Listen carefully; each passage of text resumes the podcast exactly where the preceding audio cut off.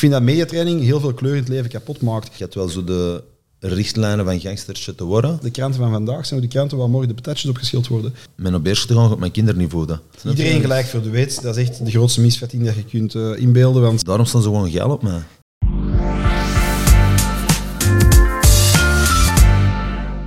Wel, eh, chef, laatste van het jaar. Een echte eindjaarspecial.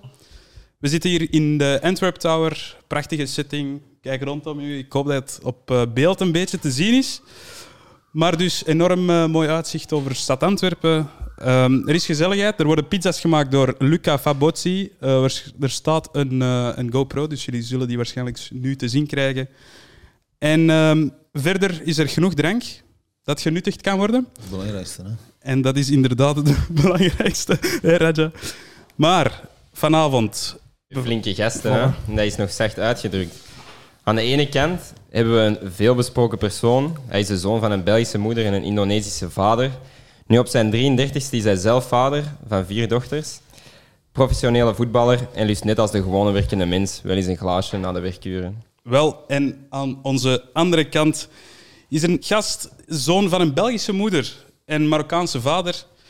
Op zijn 36e is hij vader van twee dochters. En het is iemand die sterk passie voor taal heeft en redenvoering. Iemand die voor zijn normen en waarden dagelijks door het gerechtelijke vuur gaat. Eh, en volgens mij ook wel eens eh, een glaasje houdt. Hè? Van, een, van een glaasje ik houdt. sla dat niet af. Voilà, je hoort het. Omar Swidi. Goed, Welkom, heren, welkom. welkom weer. Wat vinden jullie ervan hier, eh, Antwerp Tower? Gezellig. Meer volk dan in het stadion van Beerschot meestal. Dus. Ja, dan kunnen wij gelijk eigenlijk een bruggetje maken, hè, Raja? Ja, het is, drie- Het is vandaag dinsdag, 7 december. Eh, gisteren maandag. Ik ging het eigenlijk normaal gisteren opnemen, maar ik denk dat dat een eh, stevige maandag is geworden, niet? Ja, vooral een eh, zware zondag eigenlijk. Eh goeie matchje. Maandag was een beetje vermoeid, dus ik heb het rustig aangedaan. Ik moet wel zeggen dat eh maandag een vrolijke ochtend was, zou ik zeggen. Vooral op de club eh, maandagochtend, eh, er is veel euforie. Ja, dat is zalig. Waren er nog supporters? Nee, nee, dan morgen niet meer. Maar na de match waren er nog wel supporters aan het stadion en zo. Dan hebben we nog een beetje ja, gefeest en voilà. Het was Tof, ook een eerste derby, dus eh, eh, het is voor mij ook allemaal nog nieuw. Ik wist het nog wel van toen ik jonger was en zo. Maar nu, ja, nu dat je zelf meemaakt als speler, dat is toch totaal verschillend als je het zelf maar gewoon ziet op tv, zoals eigenlijk nog gewoon een mens vandaag. Klopt, klopt. En ehm, Omar, hoe ziet jouw gemiddelde dinsdag eruit? Ah, dat is elke week heel anders eigenlijk. Eh, meestal eh in val zit eh, a lot of eh, pleadings. Dus ik, ik heb eigenlijk elke dag wel pleidooien die dat ik ehm, moet ten berde brengen. Maar daarnaast heel veel meetings met cliënten, gevangenisbezoeken, ehm, gesprekken met, met voetbalspelers, voetbalclubs, alles daartussen. Dus dat is altijd heel gevarieerd, heel leuk, heel interessant. Ehm, en vandaag was het eigenlijk inderdaad een beetje van alles. Eh, en mooi afronden met een toffe podcast hier, dus dat is, eh, is gezellig. Dank Een fijne dinsdag, een fijne dinsdag. En natuurlijk ook wel nagenieten van de belangrijke derbyzege afgelopen zondag. Heb jij de wedstrijd zelf gezien? ja, ja, absoluut. Ik ben, ik, ben hevig, ik ben hevig supporter van Antwerpen. Ik mis eigenlijk geen enkele wedstrijd. Ehm, en dat is al ondertussen, even denken, van 1989 zo. Dat ik eh, op eh, de tribune sta. Dus ik heb al een paar derbies meegemaakt. eh, maar dit was wat mij betreft ook wel de mooiste. En ik denk dat dat ook wel in de geschiedenisboeken zal gaan als eh, een van de meest memorabele. En ik denk dat het nog iets te vers is, ook misschien voor Raja, om dat te kunnen inschatten. Maar dat is echt een derby waar binnen 50 jaar nog over gesproken gaat worden. Daar twijfel ik niet aan. Ja, door de vuurpijlen dan. Nee, door, door- vooral door het schot dat jij hebt gelost. niet door die vuurpijl die werd gelost. Een andere vuurpijl. Ja. Maar ehm, die, die derby, heeft die jullie misschien zo'n extra boost gegeven dat jullie denken van hé, er valt dit jaar wel echt iets, iets te halen, misschien wel het kampioenschap? Eh, ja, over kampioenschap spreken, dat is nog veel te vroeg. Maar ik ga wel erg zeggen, als je zo, zo gaat denken over de match zelf, dat moet normaal een boost geven, maar dat kan ook altijd tweezijdig effect hebben. Weet je? Als er te veel euforie gaat zijn rond een derby winnen, dan kan dat zijn dat je daarna snel tegen de lamp zult lopen. Ja. Eh, ik heb er al vrij veel ervaring mee. Ik heb derbies in Rome gespeeld. Dat zijn Dat zijn andere soort keer, ik derbies. zal zeggen, dat is tien keer groter dan Antwerpen zelf. Eh, ik heb die van Milaan gespeeld. Dat is nog verschillend dan die van Rome. En ik heb dan in deze gespeeld. Oké, ja, eh, het is mijn stad. Dus ja, voor mij was het eigenlijk ook wel het feit van... Beerschot of Antwerp, waar ik ook mijn woorden zou gespeeld hebben tussen haakjes. Ik ben van Antwerpen zelf. Ja. En ja, eh, supporters gaan er hevig aan toe. Ehm, maar je hebt dan wel een vriend die dan misschien is Beerschot supporter zijn, zoals je een vriendje hebt die een Antwerp supporter is. Dus voor mij als Antwerpenaar was het belangrijkste te winnen, want anders had ik sowieso zeker op mijn kop gehad. Dus, eh, En goed gewonnen, hè? Enige goal. ja, Wat een maar- schot. Ja, dat pak ik er natuurlijk wel bij. Maar eh, ik zeg het u, ik ben een speler die daar altijd een steentje bijdraagt aan de ploeg. Eh, ik ga nooit voor eigen succes. Al ja, ik bedoel, ik probeer af en toe eens wel een goal te maken of zo. Maar voor mij, mijn enige doel is dat de ploeg altijd de overwinning haalt. En als ik daarmee kan helpen, eh, al is dat niet scoren, maar gewoon mijn werk doen voor de ploeg. Dat is belangrijker dan zelf scoren en winnen. Nee, tuurlijk, dat Vrij begrijp ik. diplomatisch antwoord, hè, Omar. Ja, maar ik snap het ook wel vanuit het standpunt van Raja. eh, moet je altijd heel voorzichtig blijven met al te wilde uitspraken. Want de concurrenten lezen mee. Je moet die niet onnodig motiveren. Dus dat lijkt me heel verstandig. Maar ik bekijk natuurlijk van op eh, zekere afstand, in zekere zin. En ik moet wel toegeven, als je gewoon de kaart objectief op tafel ligt. eh, ik vind Club Brugge dit jaar niet bepaald impressionant. Die hebben ook heel veel eh, lastige momenten. Unia speelt een prachtig seizoen, maar gek, die hè? zie ik geen kampioen spelen. Maar pas op, respect voor wat ze doen. Dat is, dat is, dat is sterk. En ik vind, En- ons, ik vind ons wel een top favoriet persoonlijk, maar dat is mijn mening. Alleen, Ja, maar dat is het moet je- probleem. dat is, alleen dat is moet het je probleem wel... juist. Ik denk ook in mijn achterhoofd van ja, er zit kans om kampioen te worden, snap je? Maar het probleem is als je gaat uit beginnen spreken van ja, we gaan kampioen willen worden en we gaan nee. kampioen spelen, dan ga je eigenlijk te veel druk opleggen en dan gaan het beentjes bij veel spelers van mij Hm, in de dat weet ik. druk Ja. hebben en we gaan die beginnen Dat ik. bibberen en hoe dat Dat werkt. weet ik, maar ik, ik zorg graag met vertrouwen in het leven. Ik vind dat belangrijk. Ja, ik ook, ik ook. Dat weet ik, maar niet, niet, het is een jonge ploeg. hè. Pas op, wat we niet mogen vergeten, 80% van de ploeg u, is nieuw. Hè. kan een voorbeeldje 80% geven in. Europa? Ik denk dat we in Europa onze beste wedstrijd hebben gespeeld dit seizoen. Beter dan elke wedstrijd in de competitie. Mhm. Ik dacht van vandaag, we hebben goed gespeeld tegen Genk, we hebben goed gespeeld tegen Anderlecht, maar ik denk, de wedstrijd in Fenerbahce spelen we heel goed. De wedstrijd Op in Frankfurt. Mhm. Olympiakos spelen we heel goed. Op Frankfurt spelen we heel goed. En uiteindelijk hebben we maar één punt. Dus als je gaat zeggen van, oké, met deze wedstrijd dat je speelt, speelt in de Belgische competitie, speelt iedereen met het kastje aan de muur. En winnen de wedstrijd. In Europa, zo zie je maar, dat de jonge leeftijd van veel spelers niet ervaren genoeg zijn Nee, voor het resultaat naar huis te brengen. Dus daarom dat ik zeg, als je nu al gaat zeggen, we gaan voor het kampioenschap gaan, met al die jonge spelers, ga je er veel te veel druk op leggen en dan kun je wel eens de tegenslagende resultaten hebben, zoals je in Mhm. Voilà, Europa en dat is de reden waarom Raja naar Antwerpen is gehaald, eh, om die ervaring over te brengen. Het is inderdaad een, eh, een kern met heel wat jonge talenten.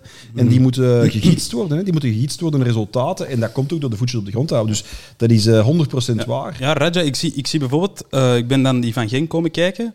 En ook, eh, ja, eigenlijk probeer ik alles wel te volgen wat ik kan hè, van Antwerpen. Ik zie jou heel de tijd coachen, heel veel coachen. En ook heel veel met gebaren ook duidelijk maken aan de spelers. Jij vindt dat belangrijk, hè, niet? Eh, ik kan eerlijk zeggen, dat is natuurlijk bij mij. Want Ja. ik probeer gewoon ja, iedereen te sturen, want ik ben ervan overtuigd, je hebt een trainer en dan zijn de spelers op het veld. Als de spelers op het veld slecht doen, is het schuld van een trainer. Als de spelers het goed doen, is het, eh, is het, eh, worden, de, worden de spelers gepraised, zou ik Ja. zeggen. Dus met andere woorden, ehm, ik probeer zo'n beetje de richtlijnen op het veld te doen. Want als, een, als je allemaal aan een trainer gaat beginnen draaien en zo, je hoort het niet met de supporter en zo, Is dan probeer ik gewoon aan een trainer een beetje op het veld te zijn, omdat ik dan ook de meeste ervaring heb en ook omdat ik ja, gewoon grote wedstrijden heb gespeeld in mijn carrière. Ik speel met heel veel jonge gasten. En die jonge gasten, ja, op tactisch gebied moeten gewoon verbeteren. Mhm. Dus ik stond er zo met een joystick aan en toe en dan zeg ik, ja, up, R1, die hoekje, snap je, zo, die. Tuurlijk, ja. Maar ja, nee, nu, nu zijn we even erover aan het gra- grappen, maar ik probeer zoveel mogelijk bij te sturen. Ja, ja. ik wil dat de speler zelf zich betert en dat de ploeg beter begint te spelen. Ja, ik was bijvoorbeeld die van, die van Genk aan het zien en hij legt dan zoiets... Allee, dan, dat is misschien ik of zo die er te veel op let, maar je legt dan iets uit en die speler doet dat dan. Je ziet, je ziet dat echt... Dat, dat Ze, kijken, ze kijken op naar mij omdat ze weten van dat je grote... Ja, ik heb 17 jaar in Italië geschot, dus ze weten dat ik veel ervaring heb. Ik heb een halve finale in de Champions League gespeeld. Dus allee, ik bedoel, eh, voor hun is dat natuurlijk eh, spelen met een speler die ons iets kan bijleren. Dus ik denk in mijn eigen, als ik zo'n jonge kerel ben, dan zeg ik, oké, ik kan er toch wel naar luisteren, want misschien kan ik nog verbeteren. is dat, ja. Er zijn heel veel jonge spelers eh, ja, die dat denken op een jonge leeftijd van ja, oké, we zijn er al, eh, we zitten in eerste klas, eh, ik ben er, eh, ik hoef niks bij te leren. Ik leer een dag van vandaag nog bij, op 33 Mhm. Tuurlijk, jaar. tuurlijk. Dus een als ik nog bijleer, als ik nog bijleer op 33, waarom kan iemand van 20 niet blijven Ja, bijleren? Sowieso. Omar, heb jij ooit gevoetbald vroeger? Het zou wel zijn, eh, heel fanatiek zelf. Ja? Ik ben trouwens nog altijd, en daar ben ik eh, best wel trots op, recordhouder van het aantal rode kaarten bij Rogges Deurne in één seizoen. Rokjes Deurne? Ja. Het eerste? dat is een advocaat, hè? 14, Dat was de provinciaal, hè? het tweede provinciaal. 14 rode kaarten, eh waarvan 11 voor protest, aanhoudend protest. En dan was die scheidsrechter dat zo buiten, hem zei dat ik advocaat moest worden. en Ik heb dat allemaal gedaan. Ehm, nee, maar ik moet toegeven, ik, in mijn hoofd was ik echt Cristiano Ronaldo, maar mijn voeten wilden niet mee. Ik was, ik was zelfs niet op niveau van tweede provinciaal. Echt waar, mijn voeten waren niet goed genoeg. Dat is heel zacht uitgedrukt. En speelde je in het eerste? Nee, nee, zelfs niet. Zelfs Oh. niet. Ik heb daar de bank even warm gehouden. Eh, ik, had, ik had gewoon... In mijn kop ging het allemaal heel erg vlot, hè, maar eh, mijn voet, ik ben gewoon niet voldoende getalenteerd. En de mensen onderschatten dat ook, hè, want als je ziet, eh, als je gewoon de carrière van Raja overloopt, dat is niet dat hij naast mij zit, maar wat hij allemaal heeft gedaan in Europa, dat is gewoon compleet eh, waanzin. Hè. mensen onderschatten dat soms nog, denk ik. Dat is ook is omdat hij natuurlijk niet altijd een eerlijke kans heeft gekregen bij de Rode Duivels. Ehm, maar als je alles op een rijtje zet, dan is dat fenomenaal. En ik heb zelfs niet eh, derde klasse in België gehad, laat staan Europa League of Champions League Ja. tegen Barcelona. Nee, dus dan denk ik wel dat je gewoon je eigen talent moet kunnen inschatten, of het gebrek daaraan, en kiezen waar je goed in bent. En pas op, je niet iedereen kan, eh, kan zo goed shotten, dan moet je andere talenten zoeken. Hè. Tuurlijk, tuurlijk. Over Goed. provinciaal voetbal nog even.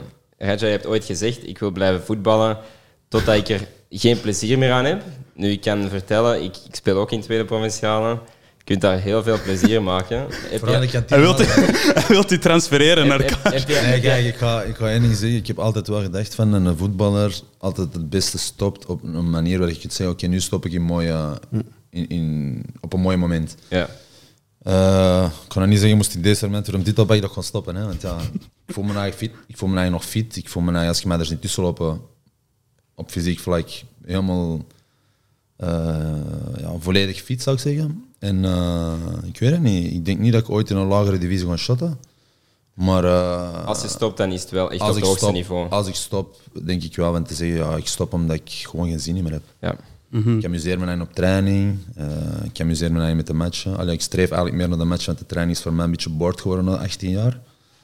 Maar ik zeg het u, eh, ik probeer altijd hetzelfde, altijd mijn mentaliteit te geven, ook op training. Er zijn dagen dat het wat minder gaat, omdat ik soms ja, gewoon zeg van ja, training. Maar de wedstrijd, daar leef ik volledig voor. Daar voel ik die emoties, daar voel ik de, de, de, de wil om te shotten nog, daar voel ik me meten met spelers van de ploeg. Ben ik nog beter, ben ik nog goed genoeg, snap je? Dus ja, mentaal zit ook nog allemaal goed. Dat is goed. Goed. Ik eh, denk dat we nu kunnen overgaan naar een... Dat doen, dat doen, dat doen we altijd met twee gasten. Hè. Snelle vragenronde. Dat zijn vragen dat je zo moet kiezen of dat je iets... Allee, één woord erop moet, eh, moet antwoorden. Be- Begin bij Raja. Kan je West of Drake? Ja. Ja, Wie kiezen? je moet kiezen. Eentje, eentje van de twee kiezen. Ken je... Ah, nee, nee, nee. nee. Oké, eh Drake. Drake? Eh Cagliari, Calcio of AS Roma? Goh, dat is een moeilijke. dat is een moeilijke. Ja? Joker? Ja, ik zou- Die hebben we ja. eigenlijk niet. Ja, ik, ik zou Joker zeggen, maar ik leg ook uit waarom. Rome heb ik mijn mooiste voetbaljaren meegemaakt. Cagliari is allemaal begonnen. Eh, mijn familie is daar. eh, dus ja, het is moeilijk Snap ik. Dat is, dat is tussen twee vuren. Favoriete shoppingstad? Je hebt in Milaan geshopt. Favoriete job in stad. eh, ja, Milaan. Milaan? Favoriete feeststad? Goh. Dubai. Dubai? Ja? Wat wat is eigenlijk het gekste dat je hebt meegemaakt in zo'n, in zo'n, in zo'n feeststad? Goh, ik heb zoveel feesten in de steden gehad. Goh, ik weet niet. Ik doe overal zot. Dus, eh, Maar niet jij, hè? Iets dat, je gebeurt, eh, of iets dat er gebeurde Ah voor je ja, gezicht ik dat je was in denkt... Cancún. eh, ik was daar, er is zo'n straat waar dat echt zo allemaal zo clubjes over zijn. Dan kun je daar op straat bij die mannetjes van die bandjes kopen. Maar dat was gewoon, ja, er was toen niks anders open. Dat was Mhm. toen de week. Dus wat doe ik? Ja, ik koop al die bandjes voor al die clubjes. Dan kun je binnen en buiten overal Ja. rechts, links, rechts, links. Tuurlijk. Op een moment stak ik daar iets te drinken. ehm, en er is zo'n een, een box achter mij waar dat er zo'n een danseresje op stond en zo. Dus ja, die laat dan zo'n cocktail half naar beneden vallen. Ik kijk naar boven, boven zonder, zonder, zonder slip en zo op die dingen. Ja, daar stond ja, nou, dus, ja, Ja, je, je liep terug met nekpijn dus eigenlijk Ja. uit je club. Ik zeg van ja, je moet nog eens met een cocktailmorsen. Hè. Stamcafé gevonden. Ja, dat was, eh, ik was daar nog met mijn vrouw ook nog, dat was nog lachen ook. Die zei dat, hey, ik blijf ja, graag nog lang, ik stond er met mijn neer. Ja, er valt iets hier. eh. Nee, dat was ook half net. Hè. Ah, ah, van, van de cocktail. Ja, ja, oké. Omar, wat is jouw eh, favoriete feeststad of gelegenheid om, eh, om eens een stapje te gaan zetten? Ik hou wel van stapjes zetten, maar meestal situeert zich dat tegenwoordig in Ibiza, of de laatste tien jaar, laten we zeggen. Maar ik ben ook wel eh, verslaafd aan de stad New York. En dat is ook wel leuk om een feestje te plegen. Dus ehm, ik amuseer mij net als Raja eigenlijk wel overal. Ik probeer zelf het feestje te bouwen. Maar in Ibiza is dat wel heel erg gemakkelijk geworden. En in de laatste jaren is Mykonos er rond doorgekomen. Hè. Mykonos is ook wel heel, ehm, heel plezant. Ja, maar Carnaval. dat niet- heb- die heb ik niet genoemd omdat daar niet mijn stijl van muziek echt in zit. Het is altijd bom, Ja, bom, bom, bom, bom, Scorpios. Mykonos is voor mij wel... Dat is chill. Ik vind dat, ja, ik vind dat wel graaf. Maar dat is chill, snap je? Dat is zo zeven uur, zonsondergang, dat is nice, alles erop en eraan. Maar dat is toch niet zo een muziek dat je zegt van oké, nu kan ik me nou ook een beetje relaxen. Dat is zo echt zo... ehm, ja, als, als het er avond is, dan is het echt zo boom boom house Ja. muziek. Maar als het zo namiddag is, dan is dat zo ook Ja, dat is, wel- slaperig. maar dat is ideaal, vind ik. Dat is ideaal. Dat is een beetje... Daarom heb, ik- daarom heb ik die opgenomen, want ik vind Mykonos Ibiza ook top, maar zoals New York is ook top. Er zijn zoveel top. Ja, ik ben Ja, dat, geweest, dus ja. Klopt, klopt. Het hangt ook een beetje vanaf hoe dat je qua persoonlijkheid ingericht bent. Ik denk echt eh, gasten die een feestje kunnen appreciëren, die kunnen zelfs een blinkje roeven bij wijze van spreken. Hun, hun Ja, vinden. Dat is waar, dat is waar. Je had nog één vraag, Kamal? Eh, had ik nog... Ah ja, best geklede voetballer. Ik, hè. Ja, die jij kent? Ja? Wie is, wie is jouw ins- kan ik heb je- wel in Heb je inspiratie waar je, Ja, waar je jouw Nee, ik stijl ben, vandaan gewoon, ik haalt? ben gewoon ziek van, mijn- van, van zoveel stijlen, maar ik probeer gewoon altijd alles te wisselen, te mixen. De, ik heb zelf een klerenwinkel gehad, dus dat was eigenlijk mijn bezigheid. Ehm, Oh, dat wist ik niet. ja, ik, ben, ik ben verslaafd aan mode. En altijd streetwear gaat? Nee, nee, nee, ook eh, andere stijlen. Ja? Ook een beetje, een beetje eleganter, een beetje sportiever, een beetje minder sportief, een beetje gemixt. Mhm. Want eh, jij zit wel mooi in onze, in onze trui. Ja, je moet dat, af en toe Eh, moet dat eens. hè.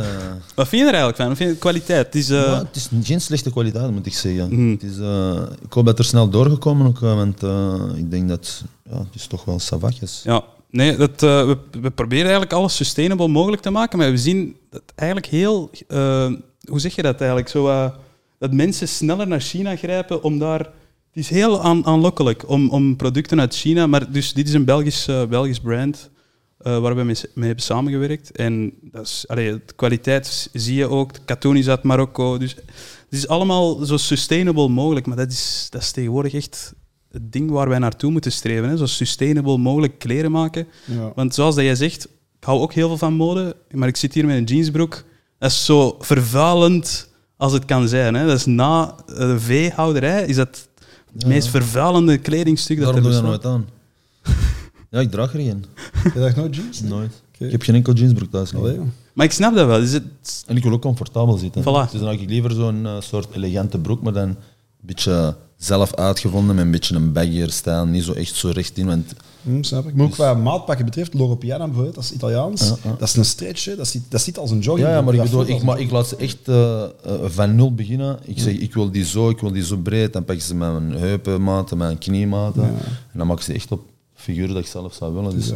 je bent zelf eigenlijk een beetje architect van je kleren, bij wijze van spreken. Veel keer wel, ja. Ja? Ik ook gewoon naar de winkel en ik koop af en toe eens een mooie hoodie van een merk of zo. Maar ja, ik bedoel, Ja. ik moet me daar comfortabel in voelen. Tuurlijk. En dan denk ik altijd wel met mijn achterhoofd, dat heb ik dat thuis liggen, heb ik dat thuis liggen, kan ik dat met dat mixen, snap je? Dus Mhm. Ik vind wel- mode, mode vind ik heel belangrijk. Mensen drukken zichzelf uit door middel van mode. Niet enkel muziek, want muziek, dat is wat je luistert, ben je ook. En ik denk dat Omar dat ook kan, kan ehm, beamen, dat, dat als je je stijlvol kleedt, dat je ook wel mensen... Hè? Ik, heb, ik heb bijvoorbeeld naar... ehm, wat was het? Kijk, ik ken nu ook Omar al een tijdje en ik heb Omar leren kennen in een kostuum. Ik heb hem s'avonds gezien in een discotheek in kostuum. ik zie hem in de supermarkt gewoon in kostuum. Dus met andere woorden, ik zie eh, Omar zeker niet in een normale jogging staan. Allee, dat kun je niet inbeelden, snap je wat ik wil zeggen? Omdat Omar deze is. Dus iedereen heeft zijn eigen uiterlijk, Ja, voilà. zoals je zelf zegt. Ja, ja, zeker. Ja, dat trekt aan als je zal zien, je gaat naar een restaurant, ah ja, er komt er een heel elegant binnen, oké, ja, kom, up. Snap je? Dat, dat, dat, is, Ja. dat is ook een aanspraak van persoon. Maar ik, als ik naar een restaurant ga, wordt dat allemaal ook met een kostuum zitten, ik kom daar zo binnen. Is het geen goede zicht? Dat is een ander verhaal. Maar ik ben mijn eigen, snap je? Tuurlijk, ja. ja. Maar ik denk dat het juist de kunst is om hun eigen stijl te vinden. Of het dat nu sportiever is of in maatpak of wat dan ook, dat maakt je niks uit. Eh, het gaat erover om uw eigen stijl te ontdekken. En ik vind ook wel dat, en dat, heeft niks met centen te maken, maar dat de stijl, de kledingstijl van iemand iets zegt over de persoonlijkheid. Tuurlijk. Mensen die echt een eigen stijl vinden en creëren, die zijn vaak ook wel heel kleurrijk in het leven. Die hebben vaak ook wel humor, die hebben vaak toffe inzichten. Dan mensen, bij alle respect, en ik zeg het, als die zich er goed bij voelen, moeten ze dat vooral doen. Maar die elke dag in hetzelfde van de CNA of de Zara, of, of, of, of zelfs elke dag van Gucci, maakt niet uit. De prijs is niet belangrijk, het gaat over de kleur, denk ik. Figuurlijk gesproken. Klopt, klopt. Dat is zo. Goed, nu jouw vragenronde, Omar. Dilemma's. België of Marokko? België. België, ja. Ik ben geboren en getogen in België. Eh, geweest Antwerpen, soms? Antwerpen, niet België. Ja, dat is waar. Maar Antwerpen in België. Eh, ja, ik ben al, ik, uiteraard ben ik al in Marokko geweest. Maar pas op, het is niet omdat, je nu, omdat je nu zegt België dat ik iets tegen Marokko heb. Maar als ik gewoon alles even op een rijtje zet, dan ben ik heel trots op de roots van mijn vader, eh, die in Marokko liggen. Heel trots, absoluut. Eh, maar ik draag een Arabische naam. Ik heb heel veel Marokkaanse vrienden. Maar ik heb zeker ook heel veel Belgische vrienden. En ik vind, ik heb ehm, ongeveer 99% van mijn leven in België doorgebracht. Dus vind ik dat ook wel een logisch antwoord. Ja. Snap ik. Messi of Ronaldo? Ronaldo, moet ik zelfs niet over nadenken. Ja? Ja, 100%. Weet je? Oeh, Messi? En waarom, waarom Messi en... en is gewoon heel simpel. Ronaldo is meer doel. eh, ja, dat is gewoon een goalgetter tegenwoordig. Dat is een- Dat is de dat is een laatste tien jaar. goalmachine, je- ja. Voor mij, de laatste jaar is dat geen mannetje niet meer voorbij. En Messi vandaag een dag boven. Heb je tegen Ronaldo ooit gespeeld? Ja, te- alle alle twee. Ja. in Juventus niet? Ja, hè? Nou, in Real Madrid. Ook in Ah, de echt? Champions League tegen Real Madrid. Ah, ja, voor, mij, voor mij is Messi veel talenter, dan, veel, veel, veel meer puur talent dan Cristiano. Cristiano is, ge, Hard is werk, hè? gezet, snap je? Dat is werken, dat is Ja. dit. Ja. En dat is juist omdat ik Ronaldo zeg eigenlijk. Want ik, ik, ik Nee, niet, het, is niet, het is niet dat ik zeg dat, dat, dat Ronaldo... Ronaldo is Is een machine. hier en, en Messi voor mij is één, Half- één- half één- stapje, ja, tuurlijk. Treedje hoger. Gewoon wat meer talent is. Als je gezien naar doelpunten, ja, Cristiano Ronaldo heeft 700 en zoveel doelpunten, Messi zal er 600 en zoveel hebben. Maar, ja, zoals dat iedereen zegt, het is ook waar. Eh, nu zie je Messi bij Paris Saint-Germain en bij Barcelona heeft hem altijd de ploeg rondom hem gehad om hem beter te maken. Ja, dat is. En nu bij Paris Saint-Germain een beetje aan het struggelen, dus... Ik ben ook een beetje aan het terugdenken van, oké, Cristiano Ronaldo bij Manchester, Real Madrid, Juve, Juventus, terug bij Manchester. Dus hij bewijst het ook overal. Ja. En dat kunnen we vandaag op de dag van Messi al niet zeggen. Dus. Dat is waar. Ik weet niet of Messi het ploeg heeft dat hij toen had met Iniesta, Xavi, Puyol. Ja, maar ook zonder die mannen, dat maakt het verschil maar alleen. Hè. Ja, dat was, dat was ongelooflijk. Ik ben ook zware Messi-fan, daar niet van. En toen dat Ik eh, voorbeeld- Roma... gewoon, Roma Een gewoon een voorbeeldje. Messi, die kan vier man voorbij gaan en de afwerking opzetten. Dus vier man voorbij gaan en die scoort. En dat is niet één keer gebeurd, dat is twintig keer gebeurd en is er nog gescoord. Cristiano Ronaldo zie ik geen vier man voorbij gaan en een goal scoren. Dus, Nee, dat is waar. dus ik kan een spreek over... Ja, maar toen bij Manchester. Nee, nee, ook bij Real Madrid. Ook bij Real Madrid. Ja, maar... Maar ik denk dat, ik denk dat Reza bedoelt van, die staat altijd op de juiste plek om te scoren. Dat is, Dat is ook een kunst. Maar- maar- Ja, voilà, wat, mij zo, wat mij zo kan bekoren... Natuurlijk, één, ik ben ook een heel eh, fanatieke Real Madrid supporter, dus dat speelt natuurlijk mee, laten we een kat en kat noemen. Maar ik heb wel respect voor gasten, en ze zijn alle twee extreem getalenteerd, maar als dan Cristiano op dat niveau belandt door keihard te werken en door die drang naar perfectie te etaleren, dan heb ik ook wel heel veel respect voor het werk dat hij erin steekt in die training. En, Tuurlijk. en enfin, Raja weet natuurlijk ook, voor op dat niveau te voetballen, je moet zoveel laten. Je hebt eigenlijk, hè, ehm, kon niet zeggen geen leven niet meer, maar de 100% focus zit ook wel op voetbal. heb, je, heb, je zijn, heb je zijn film gezien, Omar? Ja, tuurlijk. Ja, ongelooflijk. Hè? Dat heeft, ik, ik, vond, ik, vond, eh, ik vond Ronaldo altijd daarvoor heel arrogant. En die kwam zo over van, ik, kan het, ik ben het beste. En, maar toen ik dat filmpje zag, van, allee, dat, is zo dat doc- documentaire, heeft mij helemaal veranderd van hoe ik kijk naar, naar hem. Maar mensen die Familieman succesvol zijn, die worden snel arrogant genoemd. Hè? Ja, Zeg dat is zo. Voetballers over Ja, over, jullie misschien. Ik bedoel, als je succesvol in het leven staat, dan eh, zijn mensen die hun frustratie kanaliseren in die richting al vaak mensen die zeggen dat dat arrogante kwasten betreft. Of zo. Ja, zo. De volgende. Nooit meer op café gaan of nooit meer naar Antwerp gaan? Ja, nooit meer op café gaan. Ja? Ja, Zou je dat voor maar Het inruilen? is wel belangrijker dan café voor mij, tuurlijk wel. Een café kun je vervangen door restaurants, je hebt even goed. Hè. En eerlijk, ik vind Antwerpen op vele momenten het beste café van het land. Eh, daar staat ook een tapkraan en daarin word ik omsingeld door vrienden, door Aan het gasten. stadion dan. Ja, in het stadion. Maar dat mag je ook niet meer, hè? Ja, tijdelijk niet. Dat heeft met coronamaatregelen te maken. Maar wat ik zo uniek vind om die club, dat is... Ik zeg het, ik zit daar van mijn vier jaar op de tribunes. Mijn vader heeft van die fanfare gespeeld met die trompetjes. Oh, wauw. ik heb daar ook elke fase van mijn leven meegemaakt. Ik kan wel één ding daarop zeggen. Eh, ik heb nummers gezien met mijn eigen ogen. Waar ze zeggen van dat ehm, de supporters van Antwerpen de meest bezopen supporters zijn van heel België. Dus op statistieken is bewezen dat Antwerpen per persoon, dus laat staan dat er in een stadion van 20.000 man 8.000 man, kinder, 8000 man zullen kinderen zijn.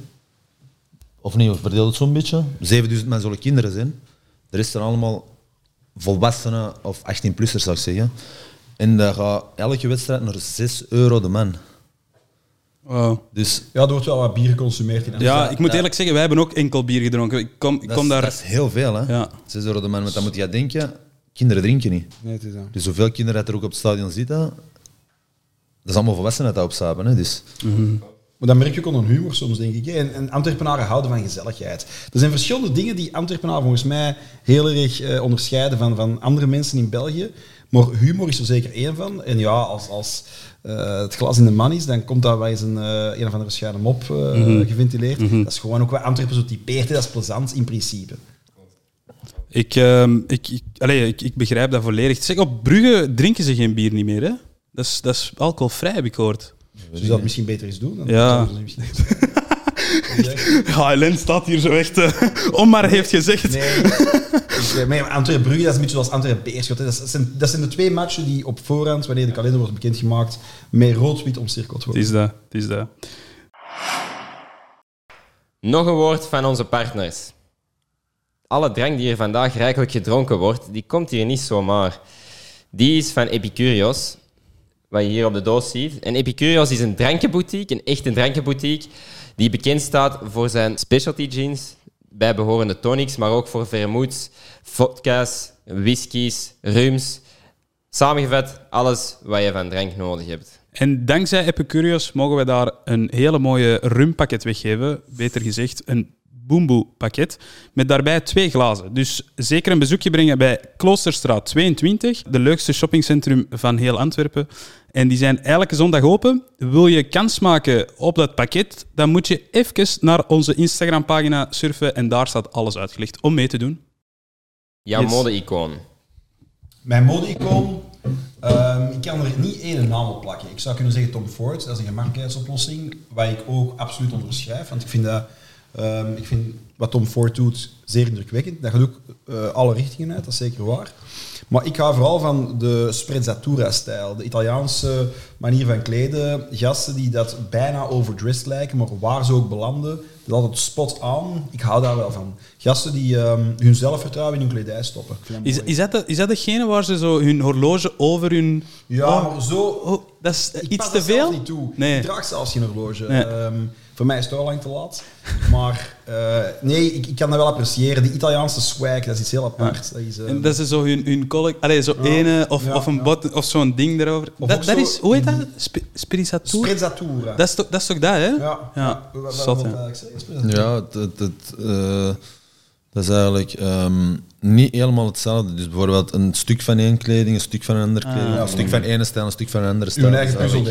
Ja, een beetje, het, eh, ja, hoe zie je dat eigenlijk? Het, het, het, het onderbreken eigenlijk van ene stijl met een andere stijl. Raja, jij zei dat je, dat je heel veel... eh, of ja, streetwear, maar ook comfy en zo draagt. Eh, recent is Virgil Abloh overle- overleden. Hè? Die, had, eh, die had Rest kanker. in peace. waar, eh, waar niemand eigenlijk iets van wist. Ehm, heb, heb je, heb je, heb je- welk gevoel heb je bij als, als er zo'n mode-icoon sterft? Ja, die had ook met iPhone en met Apple gehad. Hè. Ik bedoel, Klopt. eh, Ja, die tijd dat blijft kan ik ook doorleven. Hè. Dus ik bedoel, aangezien dat hij waarschijnlijk wist, omdat hij nooit heeft uitgebracht dat hij zelf kanker heeft Ja, gehad. Want. Ik heb nooit er iets van gelezen. En als je die zag, ja, die was zelfs een designer de laatste twee, drie jaar voor Louis Vuitton. En als je dat zo ziet, dan denk je in mijn eigen van ja, die zal zijn. eh, ja, zie je dat? Ehm, dat leeft gewoon voort en verder. Hè. Die zal zijn plan hebben gezet van ja, deze gaat jou overpakken, deze gaat overpakken. En dat merk dat gaat blijven, blijven doorgaan. En het is eigenlijk dat er zo'n ding is gebeuren dat dat nog hyper gaat worden. Ja, het is, het is vies om te zeggen, maar Dat het is is- niet helemaal zo. eh. Als Picasso doodging, gingen zijn, gingen zijn eh, Schilderijen schilderijen ook prijzen, omhoog, voilà, dat tuurlijk. ik wil zeggen. Dus, Ja, nu, die geest gaat wel voortleven. Hè. Dat is. Ja. dus dat is. ja, die, die, dat is iets dat gewoon blijft Maar dat is zo iemand die streetwear samen heeft kunnen brengen met echt Degene dat luxury. mij, degene dat er bij mij, gaan- volgens mij gaan verliezen de merken waarvoor hij, dat, ja, voor, waarvoor hij designde. Hè. Mm. Als je gaat zien Nike en zo, en Ja, Louis Vuitton, dat is ook nu echt zo eigen, select, eh, eigen collectie met Virgil Abloh. Eh daar was ik dan ook normaal een, een zware freak van. Ik moest elk stuk hebben. Ja? Ja, daar was ik ook freak van, want dat zijn dan dingen ja, die eigenlijk in je collectie komen en die, die, die blijven nog hoge prijs behouden. Zelfs meer dan eigenlijk de waarde dat je het zelf betaalt. Dus dat zijn ook allemaal dingen waar, dat je, waar dat ik deel van uitmaak. En ja, ik vind Ja. het een triestige notitie, maar ja, het leven gaat verder. Hè. Allee, voor ons, eh, voor zijn naasten. En, er Ja. is spijtig genoeg moeten we ermee leren leven. ja, 2021 pakt alleen maar iconen weg. Hè. Dat, eh, dat hebben wij ge- gemerkt Grand Jojo. tegenwoordig. Hem? Grand, Jojo? Ja, ja, ik ken hem, ik ken hem. Maar dat is ook een beetje wat eh, die acteur, die Amerikaanse acteur Christopher Walken ooit zei. Hè. If you know or realize how quickly people forget the dead, you'll stop living to impress people. En er zit ook wel een bepaalde waarheid in. Ehm, zoals Raja zegt, het leven gaat door en, en mensen vergeten ook snel. Hè. Ook al blijft zijn eh, legend wel doorleven in, in de komende tientallen jaren. Daar twijfel ik ook niet aan. Je hebt nu al mensen die hun talent tijdens de beperkte tijd dat het leven ons soms schenkt, eh, zo etaleren dat mensen daar ook geïnspireerd door raken. Dus hij gaat ook wel talenten, jonge talenten hebben geraakt om op een bepaald pad voor te gaan. Dat is, dat is wel mooi ook. Klopt. Ehm, de volgende vraag. De Carnegie Club in New York City of het Mechelsplein in Antwerpen? Ja, wel een Carnegie Club. Ja? Eh, ja, dat nu wel. Mechelseplein, pas op, je hebt een paar toffe cafés in. Ik heb heel veel eh, broeken versleten in de Paliter, 100%. Ook omdat natuurlijk Studio Herman Terling daar eh, huist. Dus dat is een iconisch plein in Antwerpen ook wel, dat mij altijd ehm, heel veel geraakt heeft. Maar de Carnegie Club, dat is, dat is voor mij thuiskomen. Ja? Eh, ja, ik heb, ik heb ook eh, in mijn kantoor een, eh, een mini broertje van de Carnegie Club geïnstalleerd, omdat op een duur onze agenda dermate vol geraakte dat wij minder met vliegtuig naar New York konden hoppen. Maar de Carnegie Club, ik weet niet of dat iemand van jullie er al eens geweest is, maar dat is een, dat is een bar, je komt daar binnen en dat is, dat is back in time. Hè. Je, je gaat er oog zitten en je verwacht echt dat Frank Sinatra naast je komt plaatsnemen. Dat is, dat is Zalig. fantastisch. Zalig. Met een goede sigaar, met een goed glas whisky, met de juiste muziek, met de beste eh, Frank Sinatra impersonator ever, eh, die al ongelooflijk lang bezig is. Nee, dat is, dat is, ik heb ondertussen ook de manager heel goed leren kennen de voorbije tien jaar. Dat is echt een vriend geworden. Hoe Dus dat vaak probeer je naar New al York te gaan in een jaar? Wat zei je? Hoe vaak probeer je naar New York te gaan? Zoveel als mogelijk, maar nu met corona eh, is dat eh, heel wat moeilijker geworden, helaas. Maar als mijn agenda even mee zit, graag vier, vijf keer per jaar. Heel graag. Ik, ik, het is ook wel de bedoeling dat ik daar ehm, binnenkort of, of in de toekomst wat business ga lanceren en een aantal maanden per jaar ga wonen. Dat is zeker de bedoeling, ja. Oké. En dan kom ik wel terug voor... Dat is eh, wel een mooie. American Law, dat is, dat is totaal anders dan België, denk ik Wat niet. zei je? American Law of gewoon de, de- hun... Ja, maar dan heb ik het voornamelijk over ehm, een, een ehm, vrucht van het mediarecht. Oké. Ik heb de kans gekregen door mediarecht. eh, ik heb echt wel heel wat eh, interessante acteurs, actrices, regisseurs eh, mogen leren kennen. Adil Belal, Matthias Schoenaerts, noem maar Ja, op. tuurlijk. Ja, ja. Eh, ja, dan word je wel aangetrokken door, door dat wereldje. Ik ben ook iemand... Ik, ik ehm, had drie doelen in mijn leven toen ik jong was. Ofwel word ik profvoetballer, dat was vrij snel duidelijk dat dat niet ging lukken. Pas op, de Belgische competitie op achteruit gegaan de laatste jaar, maar dan nog zou dat niet gelukt zijn. Eh, en dan bleven er nog twee dingen over. Dat was ofwel acteur worden ofwel advocaat. En het is dan advocaat geworden, maar dat wereldje van acteurs, actrices en alles eromheen, is wel altijd iets dat ehm, in, mijn, in, mijn, in mijn genen zit, denk ik. ja, ja. En ik heb dat ook niet losgelaten. Vandaar het mediarecht dat wel een toffe rechtszaak is om u te bewegen. Ja. En dat is de brug met New York. Tof. Uw eh, favoriet muziekgenre, om af te sluiten? Mm, dat is een super moeilijke. Als jij mijn Spotify zou gluren, dan kom jij Guns N' Roses en Nirvana tegen, maar ook Frank Sinatra, Amy Winehouse, ehm, noem maar op. Dus als All ik around. echt, als ik echt, pff, ja, ik zit in een auto naar hier, eh, was het eh, The Game en eh, hoe noemt die gast? Lloyd Banks. Dat is al Ja. lang geleden. Toen waren jullie nog, eh, volgens mij. The Game, de rapper. Eh, Ja, tuurlijk. Ja, ja, maar dat is lang geleden. Dat ik- is- de de R&B van de jaren 90, ik denk dat dat uiteindelijk wel mijn genre is. Omdat Ja? er zit zoveel nostalgie om verbonden. Dat om elke lied of nummer Daar, kleeft een daar, daar herinnering. ga ik mee akkoord. Ja, om 90, 90 jaar, het begin Dat was echt 2000 zijn- fantastisch. Dat maken ze ook helaas niet meer. Eh, de tijden van Tupac, van Ik, Biggie. zat, ik zat bij Raja in de auto en ik, ik, had, ik, welke, ik had een liedje opgezet en hij zei van... Ja, Dat, dat brengt mij terug. En dat was, dat was echt zo die, die vroege R&B. Ik denk dat het Explosive was van die... eh, van die eh, 2001 van, van, van Dr. wie? Dre? Ja, Dr. Dre. Ik denk dat dat was. Voilà, maar Dr. Dre, Ongelooflijk. Dat, dat Tupac, was iets Dr. al. Ja. Dat, dat was een andere. Dat was echt, wat mij betreft is dat de meest nostalgische periode. Maar ik, ik herhaal, als ik in, de in de bar van mijn kantoor zit, dan kan dat even goed Amy Winehouse, Frank Sinatra Ja, zijn, Tony tuurlijk. Bennett. Eh, ik heb een, een gigantisch brede muzieksmaak, moet Ja. ik zeggen. Ik Ik ben denk heel dat- democratisch. Ik denk dat, dat, want je zegt Frank Sinatra, dat nu de, hè, met feestdagen en zo en overal dezelfde genre muziek, dat jij het wel, wel leuk vindt. Niet? Het, het, ja, dat- ik, maar ik hou van feestjes, dus zeker ook van feestdagen. Ja, Eh, maar ik vind ook wel dat dan soms die muziek iets te kitscherig wordt, Ja, eh, misbruikt of zo. Dus ik- voor mij hoeft dat geen kerstmis te zijn om eh, de Frankie eh, op te zetten of, of Tony Tuurlijk. Bennett. Eh, dat kan eigenlijk altijd wel. Maar tegelijkertijd switch ik dan ook naar, naar Tupac en, en Dre, noem maar op. Dus Ja, dat, dat- dat vind ik plezant. Die variatie. Dat is ook het leven, denk ik. Dat is wat het leven zo rijk maakt, de variatie. Het, een, een vraagje dat, dat ik wilde stellen is: bepaalt muziek uw, uw mood van de dag of uw mood uw muziekkeuze? Nee, eh, mijn moed, de muziekkeuze, altijd Ja. wel. Ik laat mijn moed niet bepalen door muziek. Nee, het is echt Mhm. wel andersom. Eh, en ik snap dat je dat zegt, want muziek doet dat wel met mensen. Hè? Als, ik, als ik Ierse Beats de game opzet, of Frank Sinatra, dan denk ik misschien wel inderdaad in een andere vibe. Maar ik kies altijd wel welke plaat ik opzet. hè, Mhm. natuurlijk. Klopt, klopt. Nu, in de snelle vragenronde kwam de stad Antwerpen al eens aan bod. Ja. Jullie komen beide uit Antwerpen. Jullie zijn allee, echt trots op, op Antwerpenaar te zijn. Wat, wat maakt jullie zo trots op deze stad? Is het, de, is het de, het dialect of de geschiedenis of de sfeer die hier hangt? Is dat een vraag voor Raja? Ja, we zullen, we zullen beginnen bij Raja. Ja, Antwerpenaar is Antwerpenaar. Hè. Eh, ik weet het niet, ik ben hier opgegroeid. Van deze tram al hier beneden tot bij mij op over. Dus ik zat meer op straat dan ik thuis was. Eh, ja, als je echt stadsganger is, is er een stadsganger. En ik zeg het u, ik ben vertrokken op 17 jaar, dat voor mij heel moeilijk was, want al mijn vrienden die zaten hier. En ja, ik was zo een gangster, maar geen gangster. Allee, ik had wel zo de richtlijnen van gangstertje te worden. Maar ik was, ja, ik, ik zeg het ik was echt een straatganger. De tram reed niet meer na 11 uur, dan gingen we van Groenplaats boven door die tunnel waar het een tram eigenlijk reed, tot, een, tot een linkje over. Liep wij er gewoon door. En ja, dus zo van die stoten haalden we uit. En ik zeg het u, zijn je een Antwerpenaar? Ja, ik ben een pure Antwerpenaar. Ik voel me eigenlijk meer Antwerpenaar als het Belgisch, zou ik zeggen. Want deze is mijn stad. En ik denk in België is er geen stad zoals Antwerpen. En, Ja, iedereen spreekt van Brussel. Er ja, is geen sprake van. Nee, vind ik ook niet. Hier zit je van auto geparkeerd, boven doe je alles wat je wilt. Gewoon, wat is hier te doen, snap je? Brussel moet je naar daar, moet je naar de Louis Allaan, moet je terug naar daar, altijd met een auto verplaatsen. Dat is gewoon slecht georganiseerd. Snap ik?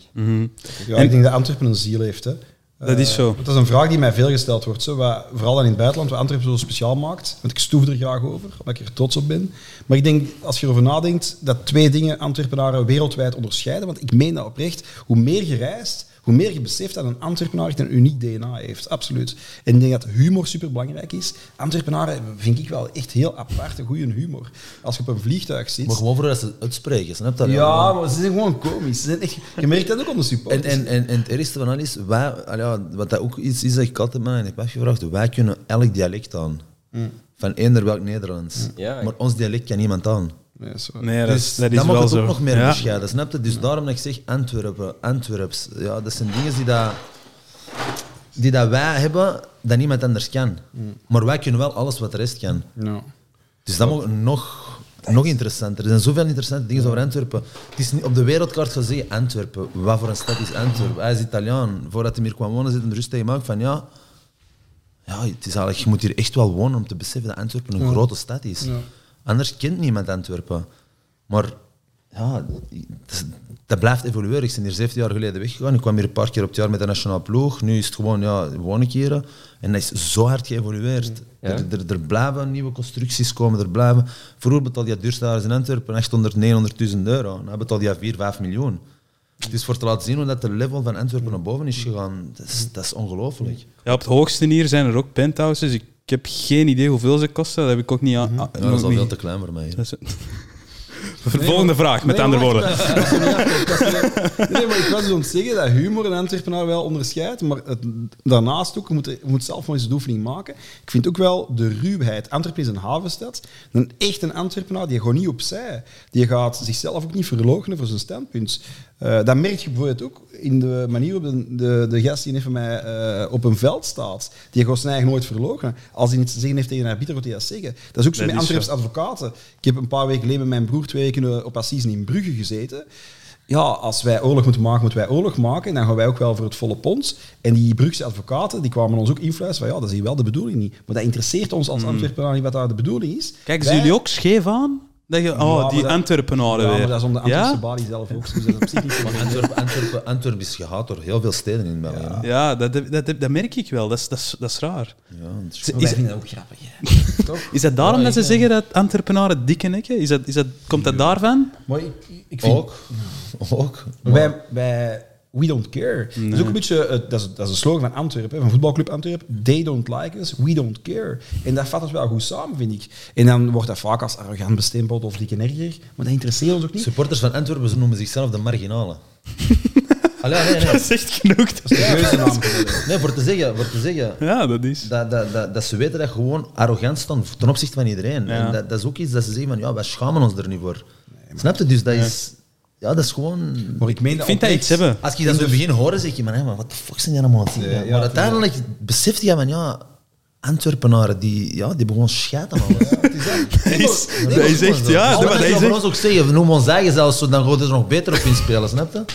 Ja, kies zo. Sanders om op, op Voilà. ons aan te vallen, hè? dat is waar. Dat is het beste bewijs dat wij niet arrogant zijn, denk ik. Want in de finale is een Antwerpenaar echt niet arrogant. Ik meen dat totaal niet.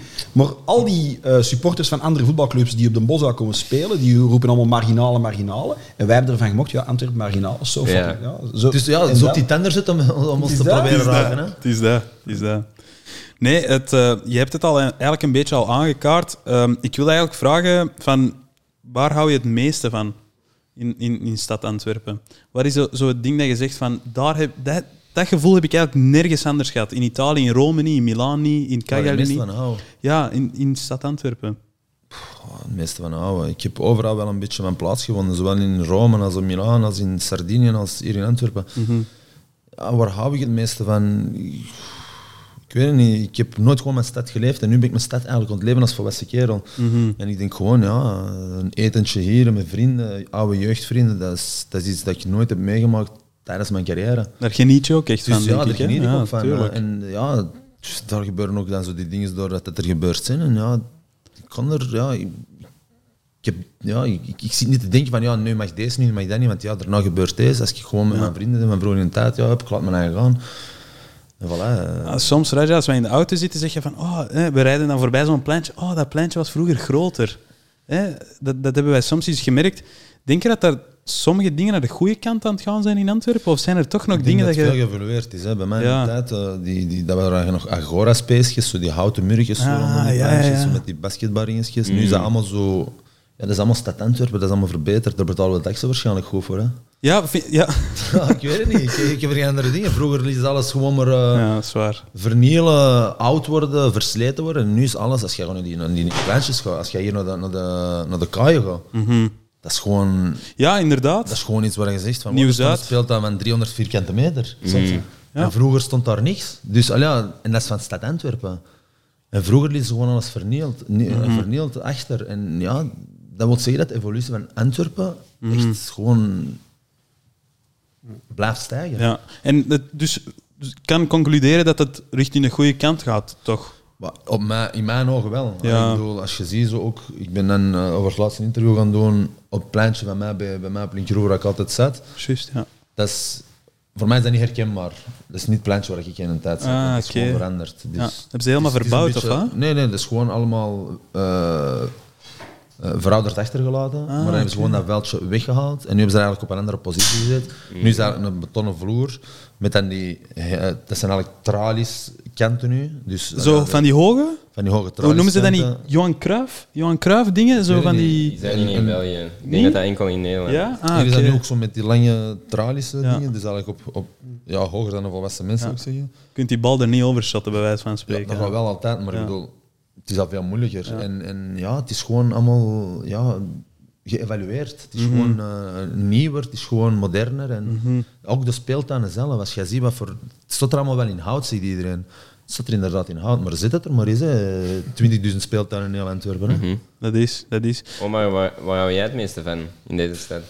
Eh, persoonlijk, maar dat is uiteraard persoonlijk, dat ik op elke hoek van de stad wel een herinnering heb. En ik ben ook nog niet zo oud, hè, denk ik, hoop ik. Ik ben, ik ben 36 jaar, maar pak nu Westen-Nieuw in een tower. Hier een paar meter verder, UGC-cinema. Ik heb daar jarenlang de vloer liggen poetsen. Hè. Serieus? Eh, Och. tuurlijk, ja, tuurlijk, ja, Als tuurlijk. jobstudent. Och, Als zalig. jobstudent, tuurlijk, ja. Dat is hier vlakbij. En, en Ja. zo ik, mijn eerste job was op het Astridplein, hier vlakbij. En De, hier ook, hier ook dat als, je hier gewoon, als je hier beneden zit, zoals hij zit hier rond de Ja. UGC, dat is nu gewoon eenmaal wandelstraat geworden. Dat is. dat is. Vroeger was dat zoveel verkeer. Ja, konden gewoon niet wandelen. Serieus, was dat En anders? nog Ja? die brug hier, hè, die brug. Hier was de Ja. Stenen Brug, hè? Nee, dat was daar. Nee, nee, daar dat was, die, dat die Londenbrug. Nee, de... nee, daar was de Stenen Brug op dat kruispuntje daar. De hè, van, IJzerbrug eh, het. de IJzerbrug, ja. Ah, Dat oké. was daar. Ja, ik, heel veel daklozen onder eh, sliepen. Dus, dus ja, ja, daar. En, en hier had je eigenlijk gewoon een klein stukje trottoir, zou ik zeggen, als de buitenkant. Hier ook om dat, om dat plein. Dat is nu allemaal wandelbaar. Dat Ja, inderdaad. Alle bussen rijden daar. Hè. Och, Dat waren drie rijvakken voordat in tunnel er was. Dat waren gewoon vijf rijvakken zoals daar op de lijn. En jij jij spreekt dan over 15 15 jaar geleden, ja. 15 jaar geleden. Want de mensen vloeken natuurlijk vaak en klagen. We leven in een klaagcultuur over al die werk constant. Ja. Ik snap dat wel. Ja. Maar Maar als dat is afgerond, voilà, voilà. dan zit er wel trots op. Hè. Dan is het wel een Ja, verbetering. Als je dat nu Dus- hieronder ziet, dat is allemaal wandelvloer. Er is maar één richtingsverkeer. Dan is er in bocht hier beneden Ja, open klopt. voor naar rechts te gaan. En de rest is allemaal wandelbaar. maar is- ik vind dat juist goed, omdat dat hier in de stad echt bewandelbaar moet zijn, zoals het er nu bij ligt. Nee, dat klopt. Dus en dat is ook veel, veel, veel, veel gezelliger eigenlijk. Dat klopt. Kijk, Als je het ziet museum mensen op het Zuid, lopen. Het museum op het Zuid, daar hebben ze bijna 15 jaar aan liggen werken. Maar als je nu gaat kijken, dat, dat is precies Washington House of Cards. Dat is, dat is fantastisch. Ziek, dat is ja. Dat is- En dat maakt een stad wel rijker, vind ik. En dat zorgt ook voor een verhoogd veiligheidsgevoel. Dat, dat creëert jobs. Dat is gewoon toerisme naar. Maar nu ben ik benieuwd naar dingen, hè, waar dat de Singste voor stond, aan de Vlaamse kaai. Hoe dat Ah, dat ja, eruit ziet. hè. Zuidokken, ja. We hebben daar heel goede tijdjes beleefd, hè? Museumplein. corona, corona, parties. we. Veel, eh, Veel buiten, ja. Maar heb, heb, je, het- heb je het meegekregen? Wat daar allemaal... Ja, ja, ik heb Ja? dat meegekregen. Ja, toch? Dat is- Maar als ik het woord coronaparties hoor vallen, dan zou ik mijn kaartje geven. Hè. Eh, kijk, We zullen contact opnemen. nee, ehm, we, gaan, we gaan nu naar het volgende. Ehm, dat, eh, Raja, je, hebt- je bent op 16-jarige leeftijd hier vertrokken in Antwerpen, naar Italië, waar je dan uiteindelijk meer dan 15 jaar gewoond hebt. 17. Wa- 17? 17 om precies te zijn. Waar voel je je dan echt thuis? Hier of daar? Ja, ik voel me, ik kan eerlijk zijn, ik ben als jeugdige jongen hier geweest. Hè, dus ik heb Ja. eigenlijk, mijn man ben ik eigenlijk geworden in een ander land. Hier ben ik nog een snotter. Ik ben als snotter weggegaan, ik ben als vent eigenlijk teruggekomen nu. Ehm, ja, wat moet ik zeggen? Ik heb altijd gezegd dat ik me in Antwerpen naar voel en dat zal altijd zo blijven. Maar ik heb zoveel levenscultuur opgedaan in Italië, waar ik van zeg van, ja, ik voel me dan ook Italiaan. Allee, ik kan er niet onderuit. Eh, ik spreek perfect de taal. Eh, ik heb mijn vrouw en kinderen van daar. Ik heb, ja, mijn leven is daar eigenlijk opgebouwd, gesetteld. Maar nu dat ik hier terug ben, zeg ik in mijn eigen van ja, ik ga hier niet meer weg. Nee? Terwijl dat tot vorig jaar mijn optie was van ik ga sowieso in Italië wonen. Nu ben ik hier terug en dan zeg ik van ja, ik heb die nostalgie van Antwerpen terug, snap je? Dus ik denk wel hier te blijven wonen nu. Ja. Mooi. Ehm, keek jij toen je in die tijd, als, want je bent als 16-jarige hier weggegaan, keek je toen zelf naar een voetballer, een bepaalde voetballer op? Waren er al voorgaande Belgische voetballers die die stap maakten? Of heb nooit idolen gehad eigenlijk. nee, nooit? Ik Ook heb niet in nooit Italië? idolen- ik heb nooit echt naar idolen. Ik heb mijn eigen voetbalstijl. Ik heb mijn eigen... Ja, ik, ik, ik raad altijd één ding. Je kunt goede wedstrijden spelen met je talent tegen goede ploegen. Je kunt goede wedstrijden spelen tegen goe- slechtere ploegen. Maar je kunt ook slecht spelen tegen goede ploegen en slecht spelen tegen slechte ploegen. Dus eh, ik ga altijd van mijn eigen sterkte naar elke match toe. En als je dan aan mij vraagt van wie zijn nu iconen, ik zeg van ja, oké, er zijn mooie voetballers. Eh, Ron- Ronaldo, de Braziliaan, is voor mij de beste speler dat ik ooit heb gezien, gewoon op videobeeldjes. Beter dan Messi en Cristiano Ronaldo, voor mij persoonlijk. Eh, de speler waar ik de meeste moeilijkheden heb tegen gehad was Clarence Seedorf. Daar heb ik geen bal tegen aangezien. Dat was een blok, een blok spieren en ik liet er tegen in mijn eigen zeer. Hoe oud was hij toen? Want hij was echt tot een hij was oude bij- leeftijd. Hij was bij afgetraind. Milaan. Hij was bij Milaan. Nou, dat is nog niet zo lang geleden. Eh, Hij was Ja, echt afgetraind, hè. Hij was echt een blok die was toch spier, nog-. Die was toch naar Brazilië gaan, die had zo'n trui genomen. Ja. Tien buikspieren in plaats van dat er een normale mens zes heeft. Ah, ja. ja. Ja, dat is echt. Dat was echt zot. En eh, bij die gast heb ik echt wel afgezien. Echt wel afgezien. Uh, Raja, kun jij een situatie schetsen hoe, hoe, hoe, de, hoe de thuissituatie was toen jij vertrok? Want ik kan, allee, was, dat, was dat met veel emotie dat je weggaat? Want van, eh, u, u- je laat dan veel achter hier, Goh, niet alleen lang- familie, maar uw vrienden. verhaal ik moet vertellen eigenlijk, als ik dat wil uitleggen. Kijk, mijn vader is weggegaan dat ik heel jong was en er was een schuldbemiddeling bij mij thuis gebleven voor de... Wat normaal koppel doe is een huis kopen en zeg je getrouwd zijn een auto kopen. Dus mijn vader is weg en de schulden van 101 blijven achter mijn moeder. Hij is advocaat, dus ik kan er zeker over meepraten. Eens dat een schuld van 105.000 euro zou afbetaald zijn, zit je bezig voor... Als je, als je echt alles afbetaalt voor 20, 30 jaar. Ja, en als je gewoon een volk bent, mensen die 1400, 500 euro per maand Voilà, verdienen. ja. Dus wat, stellen, wat stelt de advocaat op, richting dan uh, toesprekend aan de staat, is dat er een schuldbemiddeling komt bijzien, als ik niet verkeerd ben. klopt. Dat duurt 15, ah ja, dat was dan voor 15 jaar ingesteld, waar mijn moeder eigenlijk 800 euro per maand afgaf, aangezien het maandloon dat ze verdiende. En dan moesten wij met familie met 400, 500 euro leven. Dus daar moest jij je sociale woning mee betalen. Daar moest jij dan ehm, ja, je eten mee betalen. Ja. En je kleren. En Onderhoud, zakgeld. ja, dus wat deed mijn moeder? Na haar werkuren ging ze dan nog eens op een cafeetje in het zwart werken. Voor mij toch een dag daarna 5 euro of 6 euro te kunnen geven voor mijn dag door te brengen. Want ik vertrok om 7 uur naar school en ik was om 11 uur s'avonds thuis omdat ik daarna moest trainen op Beerschot. En na die 15 jaar, dus dat was ik eigenlijk, eh, ja, dat was ik eigenlijk al juist vertrokken, maar dat was al de situatie dat ik ben vertrokken. Ehm, er was geen geld thuis. Eh, ik kreeg een contract van 1400 euro. En dat is direct van, ja, waar dat ook is, ik ben weg. Zal ik toch een beetje gewoon helpen thuis. Dan gaf ik de helft af, met de helft leefde ik, want ik was gewoon met niks te leven. Tuurlijk. Maar dan kom je niet alleen, dan zit je helemaal op, goed gekleed, die tijd, dan wil jij eens een beetje meer. Ja, dan had ik wel heel snel een nieuw contract, dus dat was eigenlijk ook wel goed.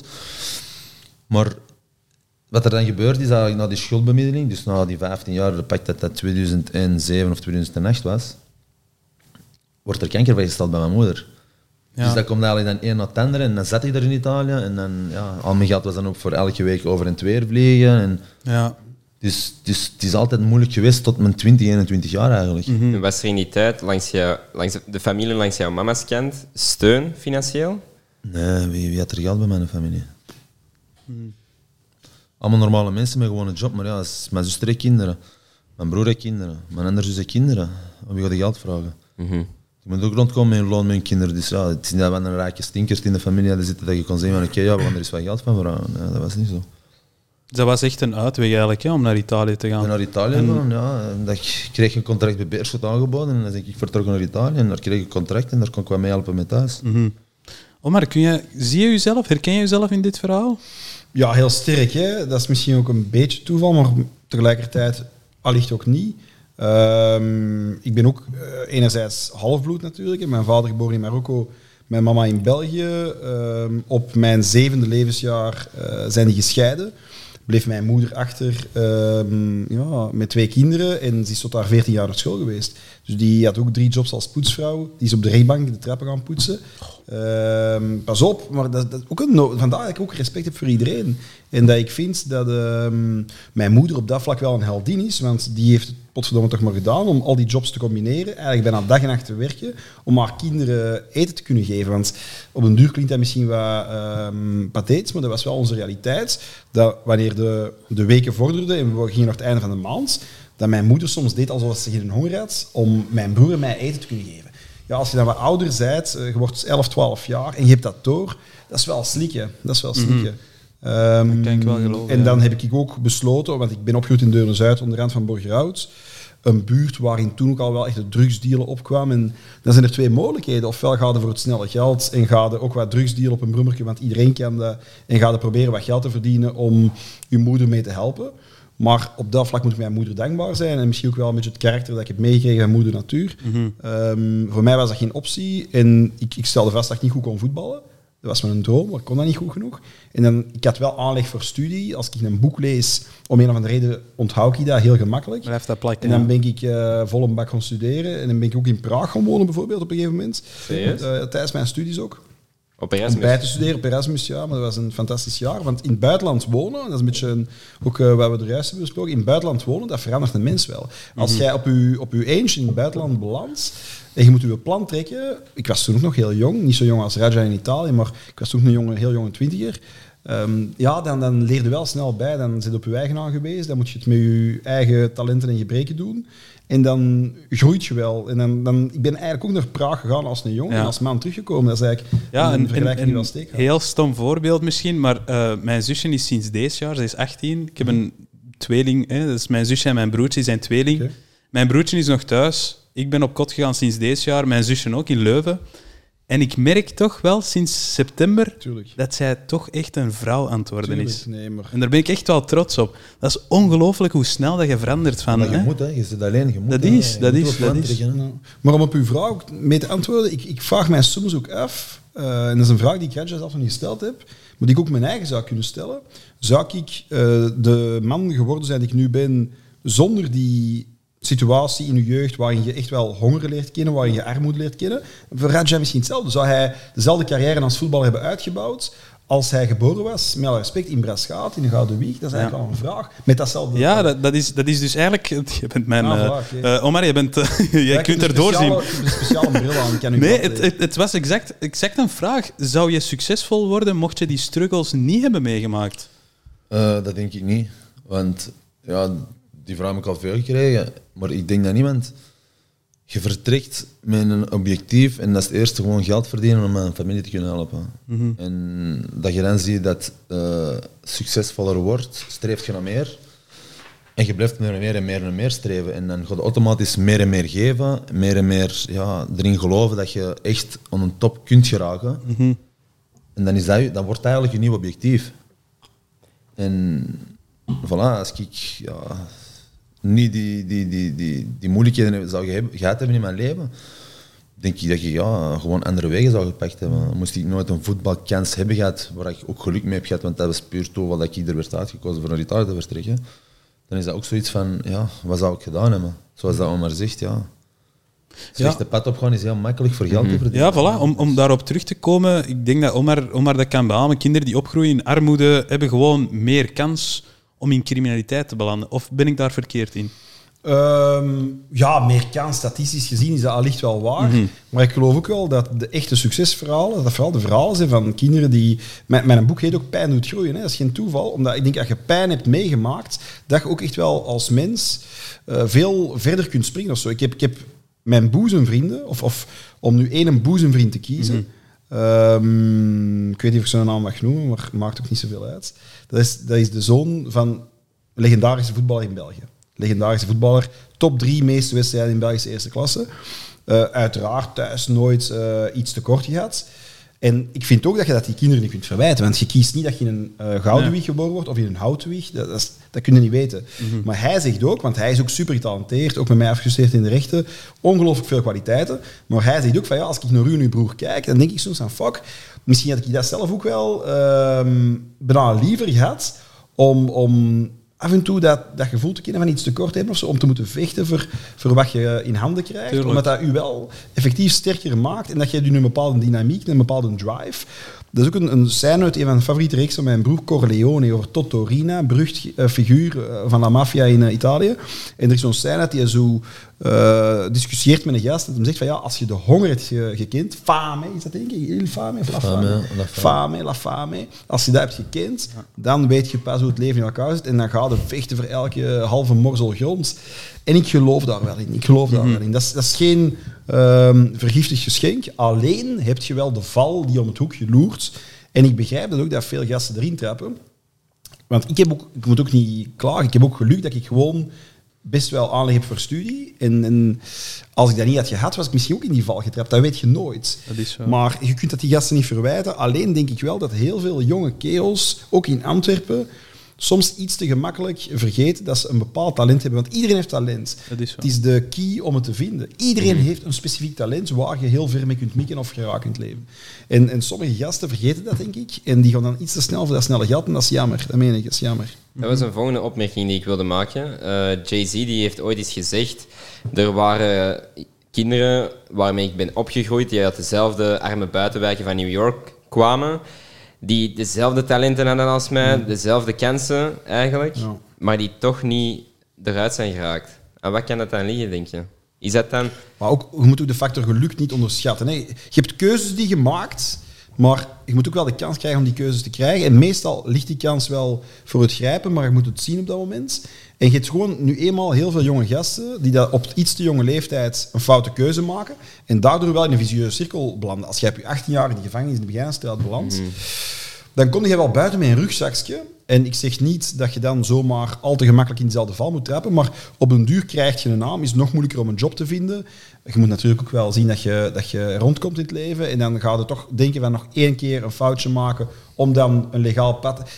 Eh, Het is vaak, zoals ook in de films verschijnt, ehm, een visueuze cirkel. En dat is niet zo gemakkelijk. Alleen vind ik het wel pijnlijk dat ik soms gasten in de gevangenis ga bezoeken als cliënt, waar ik mee ben opgegroeid en waar ik van weet dat die meer talent hadden als ik, vind ik wel spijtig. Ja. Ehm, gasten die het ook heel goed kunnen uitleggen, die ongelooflijk goed konden voetballen, die, die allemaal talenten hadden, eh, die eigenlijk om ontwikkeling smeekten en die dat, die keuze niet hebben gemaakt. Dat is jammer. Dat is Zijn, jammer. zijn er, doordat je, doordat je heel veel cases voor je ziet, eh, dingen dat je ziet van, ah ja, dat kan misschien toen de oplossing zijn geweest. Dingen dat terugkomen, wetmatigheden. Constant. Ja? Constant. Ik vind dat wat zeker een wetmatigheid is, is dat helaas sommige kerels zich laten verblinden door de gedachte van geld maakt gelukkig. En ik vind dat is niet altijd helemaal waar. Geen geld hebben, dat is niet gemakkelijk, zeker waar. Maar je hebt nu vaak in Antwerpen jongens die denken dat als ze één risico nemen waar ze heel veel geld mee verdienen, dat hun leven fantastisch is. Maar tegelijkertijd zie je die aan flessen poppen in discotheken waar ze niet graag zijn, waar ze aan het praten zijn met mensen die ze niet interessant vinden, die zich niet goed in hun vel voelen. Waarom?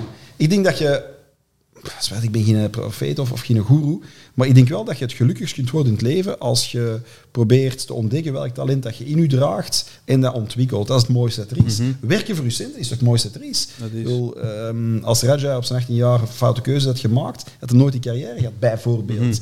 En ik denk dat dat wel de gelukkigste manier is om, om je leven ehm, uit te bouwen. Raja, zijn je ooit verleid geweest om die kant op te gaan? Nee, op die leeftijd nog niet zelf. nee. Ik heb wel altijd een beetje schrik van, van, altijd een beetje schrik van, gehad van die wereld. Eh, ten Want eerste, eens jij erin bent, kun je er niet meer uit. Dat, dat, zeggen, dat zeggen ze toch altijd, is- niet? Dat is, ja, ja en nee. Eh, ik bedoel, ik denk dat je ook je keuzes kunt maken in die wereld, maar het probleem is eens dat je erin zit, je verdient je geld, makkelijk, en je beseft dat de grote fout als je erin zit. Ja, dat is waar. Op het moment Ja. dat alles goed gaat en je wordt niet gepakt, ja oké, good life, mooie dingen, dit en dat, maar als je erin zit, zeg je, godverdikke, waarom je er niet mee begonnen, snap je? En dat zit er pas daarna in. Maar ik heb altijd een beetje schrik gehad van die wereld. Ik bedoel, eh, ik heb een oudere broer dat zot is, eh, echt zot, Allee, ik bedoel, zot omdat als hij met, als met kookt, is het... Is het- En daar heb ik altijd wel een beetje bang voor gehad, dus ik heb nooit eh, gedacht om ooit een valse stap te zetten, ook ten opzichte van hem. Dus Ah, ja, mijn hij hij zet u ja, echt op uw plek dan. Ah, zo, dat bedoel je ik zeg, van. Ah, ja, ja. bang gehad, maar dan heb ik altijd bang gehad. Ah, dat wist ik niet. Nee, maar dus, dat, dus je hebt altijd wel iemand achter u gehad die zegt van, zeg Raja, pas op hè, wat je niet doet. Ja, want ik zat ook in. Italië en ik wou terugkomen en dan zei mij, als je terugkomt, breek je benen. Dus ik ben daar gewoon gebleven. Hè. ja, het is zo. Het is zo. Had je dan andere vrienden in jouw omgeving die wel die fouten Ja, hebben die leeftijd gemaakt? nog niet. Ik, eh, en nu nog, er zijn nog zoveel jeugdvrienden van mijn tijd. Ja, sommigen hebben een verkeerd pad genomen, sommigen niet. eh. maar dat zijn keuzes, weet je. Ik bedoel, dat wil niet zeggen dat jij in een slechte wereld zit, dat je er per se moet in zitten. Onze vriendschap gaat over wat dat iemand doet, snap je? Dus eh, ik heb zelf de respect voor die kerel. Wat dat hem doet, maakt mij niet uit. Zolang dat, ja, ik heb mijn weg, hij heeft zijn weg, maar de vriendschap zit ertussen. Waarom niet? Snap ik. Goed, Jeff, we zijn hier vandaag in de Antwerp Tower, maar toch zijn we vandaag met de auto. Het moest wel, want we hebben al die apparatuur hier. Maar wat is dat toch een hel, hè, om met de auto hier te geraken? Vooral op Keizerlei hier. Je kunt nergens parkeren. Het is altijd wel ergens file. Ongeacht welke tijdstip van de dag, je staat voor een rood licht. Totdat we eigenlijk go-sharing leren kennen. Wij zijn si- sinds deze jaar op, op kot. Je kunt ze herkennen aan hun felgroene kleur, zoals de helm van Jeff hier. GoSharing heeft elektrische scooters binnen de stadsmuren en daar kun je heel gemakkelijk voor 0,23 cent per minuut heel de stad rond mee, eh, mee rijden. Wel moet je wel 16 zijn en een rijbewijs voor bronmobiel hebben. Hè? Maar gebruik ons eh, code als nieuwe gebruiker, Rakata30, en krijg 30 minuten gratis rijplezier. Dus download nu de GoSharing app. Geniet van de kortingscode. En terug naar het programma. Het volgende dat ik wilde bespreken was eh, media. Hè? Ik, denk dat, ik denk dat HLN het laatste nieuws en, en oh, Gazet van Antwerpen nu puntje van hun stoel zitten om alles op te schrijven en hier uit te brengen. Maar ehm, het, het, waarom wil ik het over media hebben? Want ik, ik merk de laatste tijd, oh maar je kunt het, kunt het zelf, eh, denk ik wel beamen, het mediarecht, hè, je, je doet mediarecht, we, we hebben net gesproken. Er zijn heel veel problemen tegenwoordig met media, vind ik. Hè. Er worden heel veel onwaardigheden erin gesproken of, of opgeschreven. Hoe, hoe, hoe zie je dat? Hoe, hoe ziet de toekomst eruit van media? Is, is media niet in het leven geroepen om het juiste naar, naar buiten te brengen? Of is het altijd sensatie Origineel geweest? misschien, maar ondertussen leven we wel in tijden waarin journalistiek meer journalistiek is geworden, denk ik. Waar een race naar de scoop eh, zich manifesteert. En, en het gaat over clickbait. En, en, ehm, kliks zijn ook centen. En, en centen houden redacties draaiende, waar gasten ehm, hun job in stand kunnen houden. En dan krijg je wel van die fenomenen waarin dat journalisten de naam niet waardig zijn, maar die dat schrijven wat ze willen schrijven om toch maar boekjes te verkopen, bijvoorbeeld, op de kap van de reputatie van mensen die heel hard werken om die reputatie te bestendigen. En dat is, dat is compleet fout. Ehm, maar dat wil niet zeggen dat je zomaar akkoord moet gaan. Dat is, een, dat is een duel dat ik elke dag opnieuw aanga. En dat is een duel waarvan veel mensen zeggen dat je dat niet kunt winnen. Want als u eh, in de vernieling wil schrijven, kunnen ze dat doen. Dat is allemaal wel waar. En de mensen die geloven graag wat er in bepaalde kranten verschijnt. Maar langs de andere kant, de kranten van vandaag zijn ook de kranten waar morgen de patatjes op geschild worden. Dus ik vind dat, je moet dat ook niet ehm, overdrijven. Maar we leven wel in, in pittige tijden. Je hebt ook natuurlijk niet alleen de media, maar de sociale media. En het gaat heel snel. Hè. Ehm, jij moet maar eens op restaurant een avond hebben waarin dat je iets diep in het glas kijkt. En je begint daar op tafel te staan en liedje te zingen. Eh, dat gaat binnen de kortste keren rond. Hè. Ja. Ik word ook vaak geconfronteerd, want ik, ik hou ook van het leven, ik hou ook van een feestje. Ik word ook vaak geconfronteerd met vrienden van mij die een filmpje doorsturen van iemand die mij dan op restaurant heeft zien zitten. En ik denk ik iets uitbundig om dansen en dat komt dan eh, op WhatsApp terecht en dat gaat allemaal heel snel. Dus er zijn veel uitdagingen op dat vlak. Maar ik vind wel dat ehm, er gelukkig op het kleine eh, oppervlakte dat, dat, dat Vlaanderen nog altijd is, heel wat journalisten werken die in de spiegel kunnen kijken, die dat in, met eer en geweten doen. Of in eer en geweten moet ik zeggen. Ehm, en daarnaast heb jij, zoals in elke sector, eh, ik zal het nog heel beleefd uitdrukken, boulevardpers, die dat ehm, denken bepaalde leugens te kunnen verkopen als waarheden. en, en op de kap van, van bekende gezichten hun boekjes verkopen. Dat is voor hun rekening. Maar ik zie dat elke dag terugkomen. Want in eh, jouw bekende eerste media optreden in de afspraak tegen de zaak Apache, Ja. toen verdedigde jij eigenlijk ook een cliënt ehm, van onwaarheden dat een nieuwsmedium over hem schreef. Ja, Klopt? De kabinetchef van Bart de Wever, klopt. Ja. Ja. Toen, ja, was dat de eerste keer dat je ermee in aanraking kwam? Nee, nee, ik ben begonnen. Dat is eigenlijk ook een beetje toevallig gegroeid. Hè. Dat is eigenlijk ehm, misschien wat te verklaren door de Antwerp. Eh, ik, heb, ik heb op de tribunes van Antwerp Pieter Loridon leren kennen, voormalige basketballer van Antwerp Giants. Geweldige kerel, hè? Ja, die doet en, echt... en, eh, en toen ik advocaat werd, was, de, was hij echt wel voorwerp van spots door een eh, boekje genaamd Story. En hij verscheen constant op de, op de cover en hij vond dat niet zo prettig. En heeft hij gevraagd om mij om Story te gaan aanvallen, juridisch. Ik heb dat dan ook gedaan. Ehm, en ik vond dat wel een ontdekking. Ik vond dat wel interessant aan mediarecht. En dan, ik mag het vertellen, want het is in, in de openbaarheid getreden. Ben ik, eh, goede liedjes gaan verdedigen. eh, heel veel Miss België kandidaten of winnaressen zelf.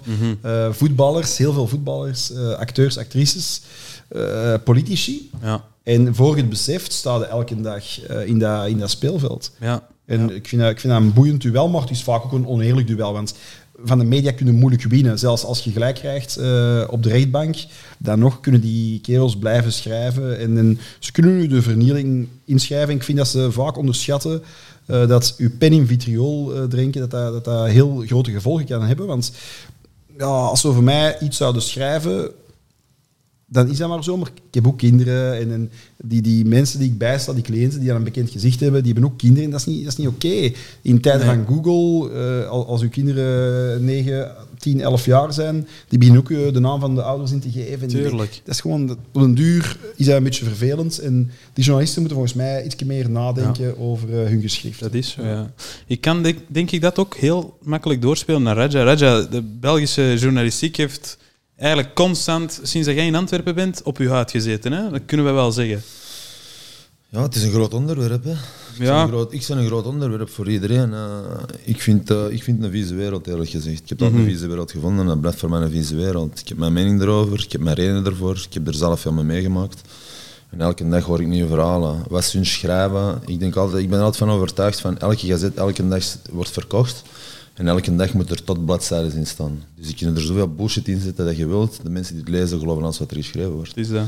De realiteit is spijtig genoeg wat we elke dag zien met onze ogen en niet wat we moeten lezen wat dat er geschreven wordt. Dat is wat ik erover denk.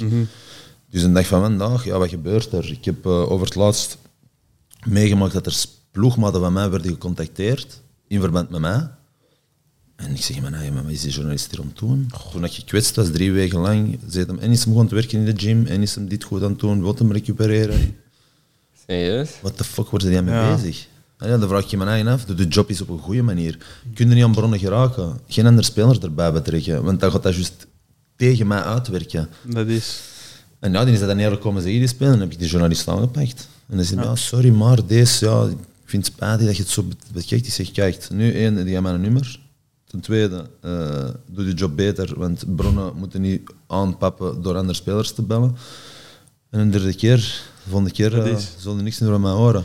Eh, Raja, er is, er is altijd in media zo een, een haat-liefde relatie geweest. Hè? Niet enkel tussen u, maar José Mourinho in de tijd met Manchester United, Mario Balotelli, Romelu Lukaku. Die kan opgehemeld worden, maar de dag daarna dat hij slecht speelt, Ja, echt... maar dat is, dat, is, dat is waar je moet leven. En daar, daarvoor is de media ook belangrijk, denk ik. Ja, ik bedoel, eh, ik denk elke, elke supporter, elke voetballiefhebber heeft zijn eigen mening over iedere speler. En ja, er, er, dat is wat Goeder juist zegt. Je kunt heel snel ergens geraken, maar je kunt heel snel terug van een trap vallen, zeg ik. En, en ja, hoe dat je snel geprezen wordt, wordt ook snel afgemaakt. En in de voetbal is dat nu zo. En veel journalisten zien op het moment nog niet dat je slecht gaat spelen, voor toch je te kunnen afbreken.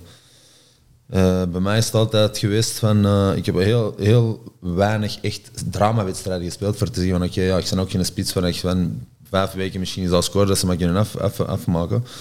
Maar ik heb wel heel constant gespeeld in mijn carrière. Dus ja, een, een, een gemiddelde wedstrijd bij mij was een oké wedstrijd, snap je wat ik wil zeggen? Maar ik heb altijd geantwoord in de moeilijkere periodes, zoals nu, zoals toen in eh, de andere keer, dat ik altijd op het veld heb geantwoord. En, ja, Nou, je hebt dat dat mij ook in de auto Dat gezegd. vind ik Hè? gewoon het mooiste om, om de mond te snoeren. het is in de carré dat het moet gebeuren. Hè? Het is, in, het is in dat, op dat groen eh, rechthoekig veld dat Dus het moet voor mij, gebeuren. Dat is, dat is altijd het belangrijkste. Ja, ik dacht Dus- al welk carré bedoelde nu juist. Oh, maar ze zijn dicht, zeg. nee, het, eh, dat is zo. Ja, ik, ehm, ik, ik heb ook, en ik, ik hoor jou nu ook praten, en daar krijg ik nog meer het gevoel van dat je wel vindt dat je geviseerd wordt door die media. Maar niet geviseerd. Ik zeg je, als ik morgen een boekje moet verkopen en ik kan praten over een van de bekendste eh vooral van Gazet van Antwerpen, dan wordt te zeggen, als ik als Gazet van Antwerpen, waar ik vooral Antwerpen aan het lezen, waar dan Nangolan een van de grote namen is in de voetbalwereld, als ik die kan afmaken, verkoop ik gewoon. Dus op zich ja, is het makkelijker geviseerd staan op mij dan geviseerd staan op een Björn Engels. Voor te zeggen, ja, dat is normaal. Hè? En, en daarom staan ze gewoon geil op mij. Snap ik. Maar ik, ik, ik vond het een goed voorbeeld. En mijn vader wist mij dat laatste vertellen. Ik wist er zelfs niet van. Dat de, dat de sportief verantwoordelijk of eh, algemeen manager bij Club Brugge, Vincent Manhart, dat hij voor de vijfde keer was, was eh, aangehouden voor dronken... Aangehouden niet, maar dat is... Of- Ja? Is dat, moeten- ben ik, zijn we verschijnen- verkeerd? Nou, aangehouden voor de politierechtbank. gevangenisbalans. Dat is niet gebeurd. Ah, oké, nee, nee, nee. Nee, Hij is verschenen voor de politie. Wij Ja, ah, ja. het tegengehouden. ja klopt. Tegen- Dat ja. ja, voilà, ja, voor, ja. voor, eh, voor, dronk, voor dronkenschap achter het stuur. En ik had het gevoel, dat wordt precies niet naar buiten gebracht, terwijl hij ondertussen al een alcoholslot heeft. En bij jou... Allee, dat merk Ja, ik we toch. waren bezig ook over vorige keer. Ik zeg, maar nee, man, what the fuck? Normaal gezien uh, zegt hij tegen mij van ja, maar dat duurt normaal een jaar voordat er iets wordt uitgesproken. Bij mij is het binnen drie maanden en alles moet afgesloten zijn. Allee, ja. Dat is niet normaal. Iedereen gelijk voor de wet, dat is echt de grootste misvatting dat je kunt eh, inbeelden. Want inderdaad, ik kan dat bevestigen. Al- Ik, ik, ik ben actief in eh, verkeersrecht ook. Ik sta dagelijks mensen bij die in verkeersincidenten belanden of die dat worden tegengehouden. Ehm, als jij vandaag in Antwerpen, we zijn nu begin december, wordt tegengehouden, geïntoxiceerd, je hebt iets te veel gedronken, je hebt moeten blazen en er komt een proces van, dan verschijn je in principe september volgend jaar voor de rechtbank. En bij Raja is hij op een paar weken plotseling op zitting gebracht en zo, dus dat is, dat is typisch. eh, Is dat om hem in een nadeel te zetten? Eh, ja, ja, ik vind dat geen voordeel, want ik pleit als advocaat heel graag eh, aan de rechtbank eh, dat er een evolutie is geweest. Bijvoorbeeld, elf maanden na de feiten is er geen nieuw voorval geweest. Die kans krijg ik niet als je dat na een paar weken al op zitting brengt. Dus dat is een argument dat je verliest. Dat is niet correct. En, en zo kan ik er veel dingen van opnoemen. Dat eh, iemand als Raja, als jij in de spotlights loopt, dat jij gewoon veel harder wordt aangepakt. Dat is constant, ze willen een symbool van maken. En ik vind dat niet correct. Want het is niet omdat jij profvoetballer bent, dat jij per definitie een voorbeeldfunctie hebt. Ik meen dat. Jij zegt geen schoolleraar of jij zegt geen eh, burgemeester. Jij bent een gast die ongelooflijk goed kan voetballen. Maar dat wil toch niet zeggen dat jij daardoor per definitie een, een maar, hebt. maar om- onboorden omdat ik iemand heb vermoord eh, twee weken geleden. En, en uiteindelijk, ja, ik heb een verkeersovertreding gedaan. Ik had een beetje te veel gedronken, maar het is, Ja. het is eigenlijk het minimum van het minimum wat er gebeurt is. Snap je? wat Dat is- dat ik hier... eh, ja, ik was dat beneden, beneden ook tegen hem aan het zeggen. Van, ze maken van u zo'n... Ja, echt... echt hè, ze, ze hebben gewoon iets mee zoals- waar ze mee media, slaan. media geil. Ik de goal in een derby. Oké, dat wordt op een bepaalde manier uitgespot in de gazette. Ja. Maar omdat ik het ben, wordt dat zo echt zo nog eens tien keer zo groot gemaakt. Snap je wat ik wil zeggen? Zowel in het positief als in het negatief. Dus. Tuurlijk. het gaat niet alleen over het negatieve. Hè. In het positief, ja, is van hetzelfde. Omdat ze er gewoon van houden om te verkopen. En als ze over mij kunnen praten, ja, dan is dat precies of dat, dat een notitie is van wauw, snap je? Maar dat is ook een beetje het, het brood- en spelen vooral. Mensen geven wat ze blijkbaar graag lezen. En dat zijn, dat zijn helden die vallen of zo. Of, of mensen die succesvol zijn, op hun gezicht zien gaan. Mensen blijken daarvan te houden. Maar langs de andere kant, ja, wie zijn die mensen? Eh en met alle respect gezegd, maar daar mogen eigenlijk ook niet van wakker liggen. Want elke mens heeft zijn eigen kwaliteiten en gebreken. En gewoon mij niet wijsmaken dat er iemand bestaat in het leven die zonder fouten is. Eh, maar wel, eh, Raja heeft op dat vlak geen lessen te leren. Die weet ook wat er wel en niet gebeurd is. Maar wat ik wel correct vind, is dat je iemand moet beoordelen naar wat hem gedaan heeft. En dan maken ze er graag van. Ik wil, Raja was nog net niet verantwoordelijk gesteld voor corona, hè, als ik het moest geloven in die gazette. Ja, Nee, op zich- nee, ja, ja, ik snap wat je die, bedoelt. die, die, die vlogen om 200 per uur door bebouwde kom. Ja. Ja. Alle respect, er Ja. stonden drie verkeerslichten op 100 meter. Per definitie onmogelijk. We rijden daar Op den duur dag. komen al die leugens daarbij en daar heb ik wel Dat een bloedhekel aan. Ja, Absoluut. Dat is, dat is. Als En fout en dan vraag je dat... Laat zien, hè. En Bewijs, Dat staat er ja. niet bij, want hij zegt ook tegen mij, dat is drie keer dat hij anders opgeschreven is. Want de ene was 106, dan 120 en 114. Dus ja, wat is de waarheid? Ja. Zijn er mensen die jou helpen met die omgang met de media? Of die jou in het verleden Nee, nee, nee, training ik gegeven zelf, Ik heb hebben? dat allemaal niet nodig. Ik betaal geen mensen voor dat maar te handelen. Want er wordt zoveel bullshit verteld en zo. Ben jij mentaal wel vrij sterk dan daarin? Ik kan, ik kan, ik kan zeg, geloven ik dat... Ga, ik ga nooit een gazet kopen om iets te lezen. Ik heb Gazet van Antwerpen, de app. Ik heb het laatste nieuws, de app. Maar als er een plusje bij staat, betaal ik er zelfs geen euro voor. Dat snap Ik ik. heb dat echt niet nodig. Snap heb- Ja, wat wil jij lezen? Jij leest de titels. Ja, oké, de coronamaatregelen die de dag van vandaag wel belangrijk zijn, die leest je wel eens. Maar het is net, ik, hier, een- ik ben geen gazetfreak. Ik lees geen gazetten. Ja, op de club bij ons zijn er elke maand wel gazetten met de sportkrant, die dat. Maar wat lees ik ervan? Ja, ik ben ook anti-media Ik, eh, ik- ja, ik, Nee? zie het, Ik ben dat- 100% anti-media training. Na mijn passage in afspraak, omdat je nog refereert, stond ik ook in heel wat gazetten van eh, meester Dan die dit. En, en is hij een nieuwe topadvocaat of gewoon pedant? Vraagteken. Ik kreeg toen van een eh, bevriende advocaat, eh, die zei van ja, jij wordt wel heel offensief en jij wordt wel stevig in your face, voeten vooruit. Eh, misschien beter wat mediatraining volgen. Ik zeg nee, helemaal niet. Ik vind dat mediatraining heel veel kleur in het leven kapot maakt. Ik hou ook niet van interviews eh, van mensen die te veel mediatraining hebben gevolgd. Dat is allemaal dezelfde eh, zever. Ik, ik vind authenticiteit is cruciaal als je leider wil zijn van je eigen leven. En dan moet je niet te veel mediatraining volgen. Nee, je moet vooral ook op een verstandige manier je gedacht proberen te zeggen. En wat verstandig is, dat moet je zelf uitmaken. Mediatraining is een beetje de var bij u dan. Hè? dat, ver- Wow, dat, dat haalt de kleur niet. uit de voetbal. Hè? En, eh, Ik weet dat niet. Nee, ik weet niet of... Ik vind de VAR dat is nog iets apart. Eh, wat ik wel gênant vind, dat is bijvoorbeeld in Antwerpen Beerschot, dat er een speler van Beerschot rood moet krijgen, of een tweede gele kaart alleszins, en een penalty aan Beerschot dat niet gefloten wordt, terwijl er een VAR is. Dat vind ik wel niet kunnen. Ja. Als er dan toch een VAR is, dan moeten ze dat wel correct beoordelen. Goed, dat, dat is misschien voor een, voor een andere podcast, want over, over voetbal, pff, daar kunnen we zo lang, eh, zo lang nog door. Maar eh Omar, ze hebben u ook echt aangepakt dan, toen, met, in de media. Ah, maar Ja. eh, ik zeg het, als je hoge bomen vangen veel wind, en ik ben blijkbaar een stevige eik, maar, maar ik, hou, ik zeg het, ik ben liever een stevige eik die niet bij het eerste zuchtje wind omvervalt, eh, dan een of ander twijgje dat direct knakt. Ik meen dat. En er zijn journalisten die mij ook viseren, ook van Gazet van Antwerpen. Ja. Er zijn journalisten die heel graag over mij schrijven en die, die proberen alles uit te vergroten of die mij volgen in de hoop dat ik een foutje maak. Als die daar hun levensdoel van willen maken, dat is hun Ja. zorg. Ja. Mij interesseert dat niet. Eh, maar ik vind wel dat iedereen in de spiegel moet kijken en moet beseffen ook dat die voorwerpen van hun geschrift, dat die ook familie hebben, kinderen. En dat je misschien ehm, ja, op die manier wel bepaalde mensen tot tranen beweegt. Dat en mijzelf niet, want ik zeg het, ik ben daar echt, ik heb echt wel een dik vel in gekregen, in gekweekt. Maar ik heb wel andere dingen meegemaakt in mijn leven. Maar ehm, ik vind dat vrij gênant, wat ik soms in de kranten lees. Ik vind Ja. het vrij gênant, ja. Ja, ja Raja, je hebt, je hebt eh, ik denk dat je enkel Twitter hebt. Of daar, dat- nu ook terug eh, Instagram. Aha, oké. en daarom dat ik, dat ik dacht van... Ik denk dat ik een live van u heb gezien dan. je met, de, met de supporters... Ah ja, oké. Ah, dat, was, dat was dus mijn vraag. Krijg je op die manier uw, uw media binnen? Uw, uw nieuws binnen? Uw, wat, wat er gaande is in de, in de wereld en zo? ik Is volg, dat... Ik volg daar niks op. Ik volg geen Is dat- gazette, ik volg niks. Ik volg gewoon, ja... Ik word getagd, ik kijk Ja. dat is berichtjes die binnenkomen. Of... TikTok of zo? Nee, dat heb ik zelfs niet. Nee? Dat is niks voor mij. Alleen de kinderen. Ja, Ja. mijn kinderen zijn vregen, hè. Ja. Die stonden in de spiegel van de morgen tot, van, van 's morgens tot 's avonds gewoon te dansen. dat, is, eh, dat is een hype geworden van eh, het kan niet meer. Jouw kinderen ook? Mijn kind, nee, ze is nog iets te jong misschien. Hè? Ja? Mijn oudste dochter is... eh, nee, nee, acht is ze. Ah, ja. TikTok, hè? TikTok, ja. Nee, maar TikTok, nee, ik ben fan van Tiki-Taka, maar niet van TikTok. Nee, dat is iets anders. Toch ergens dan Barcelona-fan, hè, hoor ik. Nee, Real Madrid is even Hij zegt Real Madrid, maar heeft zichzelf aan het ver... Real Madrid is even goed Tiki-Taka. Barcelona eigen zie dat doen. Dat is niet alleen Barcelona. Nee, Raja, hoe hoe was die periode? Want hoe lang zat jij nu zonder Instagram? Vier maanden, drie maanden, vier maanden. Was dat, was dat bewust mee terug naar België te komen? Of? Eh, nee, want dat was ervoor al even. Maar ja, weet je, Antwerpen komen, Beerschot, jeugdproduct. eh, ik had er gewoon geen zin in in die moment. Weggaan we naar Italië, ook geen zin in om eh, commentaar te lezen en zo. Gewoon Maar even Lukaku offline. had dat tijdens het WK ook gedaan, als een sociale media verwijderd. Ik snap dat wel. Heeft dat...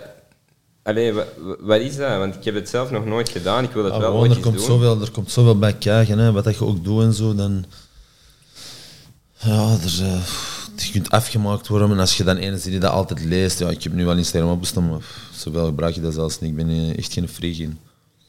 Eh, ja, nu bijvoorbeeld binnen een derby, ja, daar zit er misschien wat meer op. Ga eens kijken van, ah ja, en dit en dat. dat zegt iedereen, ja. Ik heb ook wel eens vaak gehoord van, dat je zegt van, ja, die jonge mensen zitten heel vaak... Ik heb het denk ik over Duomo, dat, je, dat, je, Ja, dat is een ja. passage over... Vind je dat belangrijk? Geef je dat ook aan je kinderen bijvoorbeeld nee, mee? Maar, Nee, ik, of ben is anti, dat... ik ben antisocial. Serieus? Ik ben antisocial. En van waar komt dat, Raja? Ja, gewoon iedereen leeft er nu mee. Gewoon als personage van voetbal, als voetballer zelf, ja, is dat wel een beetje belangrijk. Dus ik denk dat je als voetballer wel gewoon een beetje op een of andere manier in contact moet staan met je supporters. En persoonlijke supporters heb ik ook heel veel. Er zijn dus heel veel supporters van Rome die dan naar hier overkomen voor te zeggen, ja, ja daar moet je sowieso... Want dat, dat, is, dat is voor mij te appreciëren, zoiets. Ja, dat is wel waar. En voilà, je hebt dat zelf ook gezien. Er stond dus een keer die al met van het Rome, die stond daar ineens. Dus ja. Zeg, ik moest stoppen toen, hè? Ik moest, ik moest stoppen toen. Ehm, ja, dat is langs de ene kant wel een beetje belangrijk, maar je moet zien hoe dat je Ja. het gebruikt. Bijvoorbeeld tegen, tegen ik gezegd van ja, verliezen we 3-0 thuis tegen Fenerbahce. Zet hem erop eh, Instagram een foto waar hij zegt van ja, Europees debuut. Ik heb van, fuck, we hebben 3-0 verloren, Ja. zit jij erop te zetten. Dat is gewoon voor nog meer kritiek te krijgen, snap je? Dus je moet ook wel weten waar, hoe dat je het gebruikt. Ja. En Is, is, dat, is dat toch iets dat je probeert met de, met de jonge mensen? Want zoals je zegt, jullie, eh, jullie kern is echt heel jong. Hè? Probeer je dat mee te geven van ja, natuurlijk, zie je dat dan ook, hè, Ja? dat, hem, ja, dat, dat dat een hele domme zet is van hem. ja. Maar hij is gewoon, ja, hij is gewoon degene die dat van social houdt. ja, tuurlijk. Maar ik denk, ik denk hij is 17, denk ik, hè? Niet? Dat, dat is wel logisch dat dat ergens... Hè, dat, Ja, hij speelt dan ook niet zoveel, dus ja, dan wil hij misschien op sociaal vlak een beetje bekender geraken. Dat, dat hoort er allemaal bij, weet je. Tuurlijk, ja. Voilà, hij is gewoon zo een die dat het ge- niet zo goed gebruikt. Mhm. Dat is ook gevaarlijk, hè. Foutje is snel gemaakt. Ik ben heel blij dat toen ik hier in Praag woonde, dat er geen social media was. Of toch niet zoals nu. Als toen Instagram al eh, echt een dingetje was, dan denk ik ook wel dat men, eh, die journalisten die zo graag over mij schrijven, die dat misschien ook wel hadden misbruikt om te zeggen van, zie je nog maar, die, eh, dat is een halve gaar of wat dan ook. Ja, maar alles blijft staan hè, op, eh, in de. Ja, het, het kan En gemakkelijk geprintscreened worden of, of Ja. gekopieerd. En, eh, ik vind dat niet ongevaarlijk. Zeker ook voor heel jonge kinderen. Ja. Of voor Drommel is eigenlijk ook met alle respect, dat is een, dat is een toptalent, maar dat is Ja, een ja. kind, hè, 17 jaar. Dat is zo, Dus daarom... je moet die soms ook wel beschermen tegen zichzelf, denk ik. Ja. Mhm. Kan jouw ehm, statuut van advocaat afgepakt worden als je een bepaalde misstap begaat? Evident. Ja, tuurlijk. Je kunt als advocaat fouten maken die tot een schrapping leiden. Tuurlijk wel. Ja, absoluut. Daar kijken ze wel nauwgezet op toe. Eh, maar pas op, dat, dat zijn ook wel aanzienlijke fouten. Hè. Dat zijn fouten die ik eh, niet bepaald plan te maken, om het zacht uit te drukken. Dus, maar dat wil niet zeggen dat je eens niet eh, op een feestje mocht verschijnen. Gelukkig maar. Het zou maar erg zijn. Nee, Ja, nee. tuurlijk. Dan heb ik het over misdrijven of zo. Dat is nog iets anders. Oké. Ik wil, het, ik wil het heel kort eigenlijk over, over, over jullie carrière hebben, want jullie carrière is nog volop, volop gaande. Die van u is al... Hè, waar, waar komt dat eigenlijk van? Stel, Ronaldo, die is ripped as fuck. Stel dat hij tot zijn 34, eh, 44 wilt spelen. Dan doet hij dat, hè? Maar bedoel, dat, is, dat gaat bij de, bij de voetballers zo van... Ah, je hebt eh, 30 bereikt, dan moet je al een beetje gaan nadenken over wat je daarna gaat doen. Wat vind je eigenlijk daarvan? Is dat, totdat je een moment eigenlijk fit voelt, moet het Ja, toch kunnen spelen? Ik voel me eigenlijk nog fit genoeg om te kunnen doorgaan. Van waar komt dat, denk je, Raja? Van, van... maar ik leef niet zoals Ronaldo, hè. Nee, ik oké. zou nooit met 40 doorgaan. Eh, dat weet ik nu al. Ik leef mijn leven als een normale mens. En voetbal, ja, zeg, dat doe ik graag. Daar word ik gewoon, dat is mijn job. Ik zal er wel een beetje naar moeten streven. Ja. Maar ik doe er niets extra voor. Wanneer wist je dat, dat voetbal niet langer een hobby was, maar eerder een, Het is een nou de beroep? hobby ook van mij. Het is Ja? wel mijn, mijn job als mijn, als mijn hobby. Want hobby is iets dat ik bezie als iets graag doen, Ja. waar dat je je tijd mee besteedt. En ja, dat is bij mij fulltime geworden, dus dat blijft mijn hobby. En ja, het is gewoon mijn job geworden, omdat ik er goed voor word betaald. Had jij ooit in je carrière het gevoel van, fuck, nu moet ik terug gaan trainen? Was, was dat een periode in je, in uw Ik carrière? heb dat nu nog. Zoals, hè, er zijn van die dagen dat je zegt van fuck, vandaag, eh, Ja. vooral de tweede dag na de wedstrijd, als je dan moet gaan trainen, dan zit je echt wel per totaal met je lichaam. ik Dan voelt dat- het echt als een beroep. Ja, dan, ja, dan voel ik echt van, hey, fuck, ik ben verplicht om te gaan, maar Ja. ik heb er echt geen zin in. Maar je moet toch echt op een gegeven moment wel gedacht hebben van... Nu wordt het serieus. Lang geleden. Ja, het begin. ja serieus. Ja, dat, dat, dat heb je door op het moment dat je zegt van oké, ja, nu begin je echt wel centen te verdienen. En ja, met centen verdienen bedoel ik niet 5000 euro per maand, want met 5000 euro per maand, oké, met alle respect, is veel geld, maar in de voetbalwereld is dat heel weinig geld. Eh, maar er zijn er al veel die beginnen te zweven als ze die cijfers krijgen, snap je? En die zijn dan ook de eerste die stoppen met shotten. Mhm. Dus ik heb altijd gestreefd naar meer. Ik heb altijd meer gewild. Ik heb altijd gehoord van ja, ik wil zoveel miljoenen verdienen.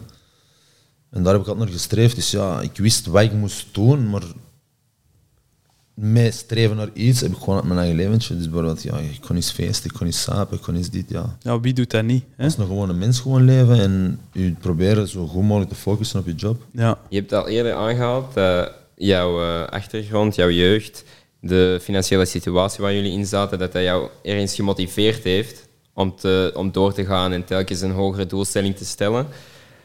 Waren er daarnaast nog motivatoren die jou telkens hebben het, eh, het doen opbrengen? Ja, tuurlijk, in de familie zelf. Hè. Daar- kijk bijvoorbeeld, nu, wat, wat een vraag dat regelmatig wordt gesteld, had de kans om naar Beerschot te gaan? Allee, gewoon, ik gooi dat nu op tafel. Hè. Had de kans om naar Beerschot te gaan? Ja. Ik had de kans om naar Beerschot te gaan. Was dat de moeite waard? Nee. Er zat geen geld. En ik kan dat eerlijk zeggen, ik heb vier kinderen. Met naar Beerschot te gaan, ga ik mijn kinderen niet voeden.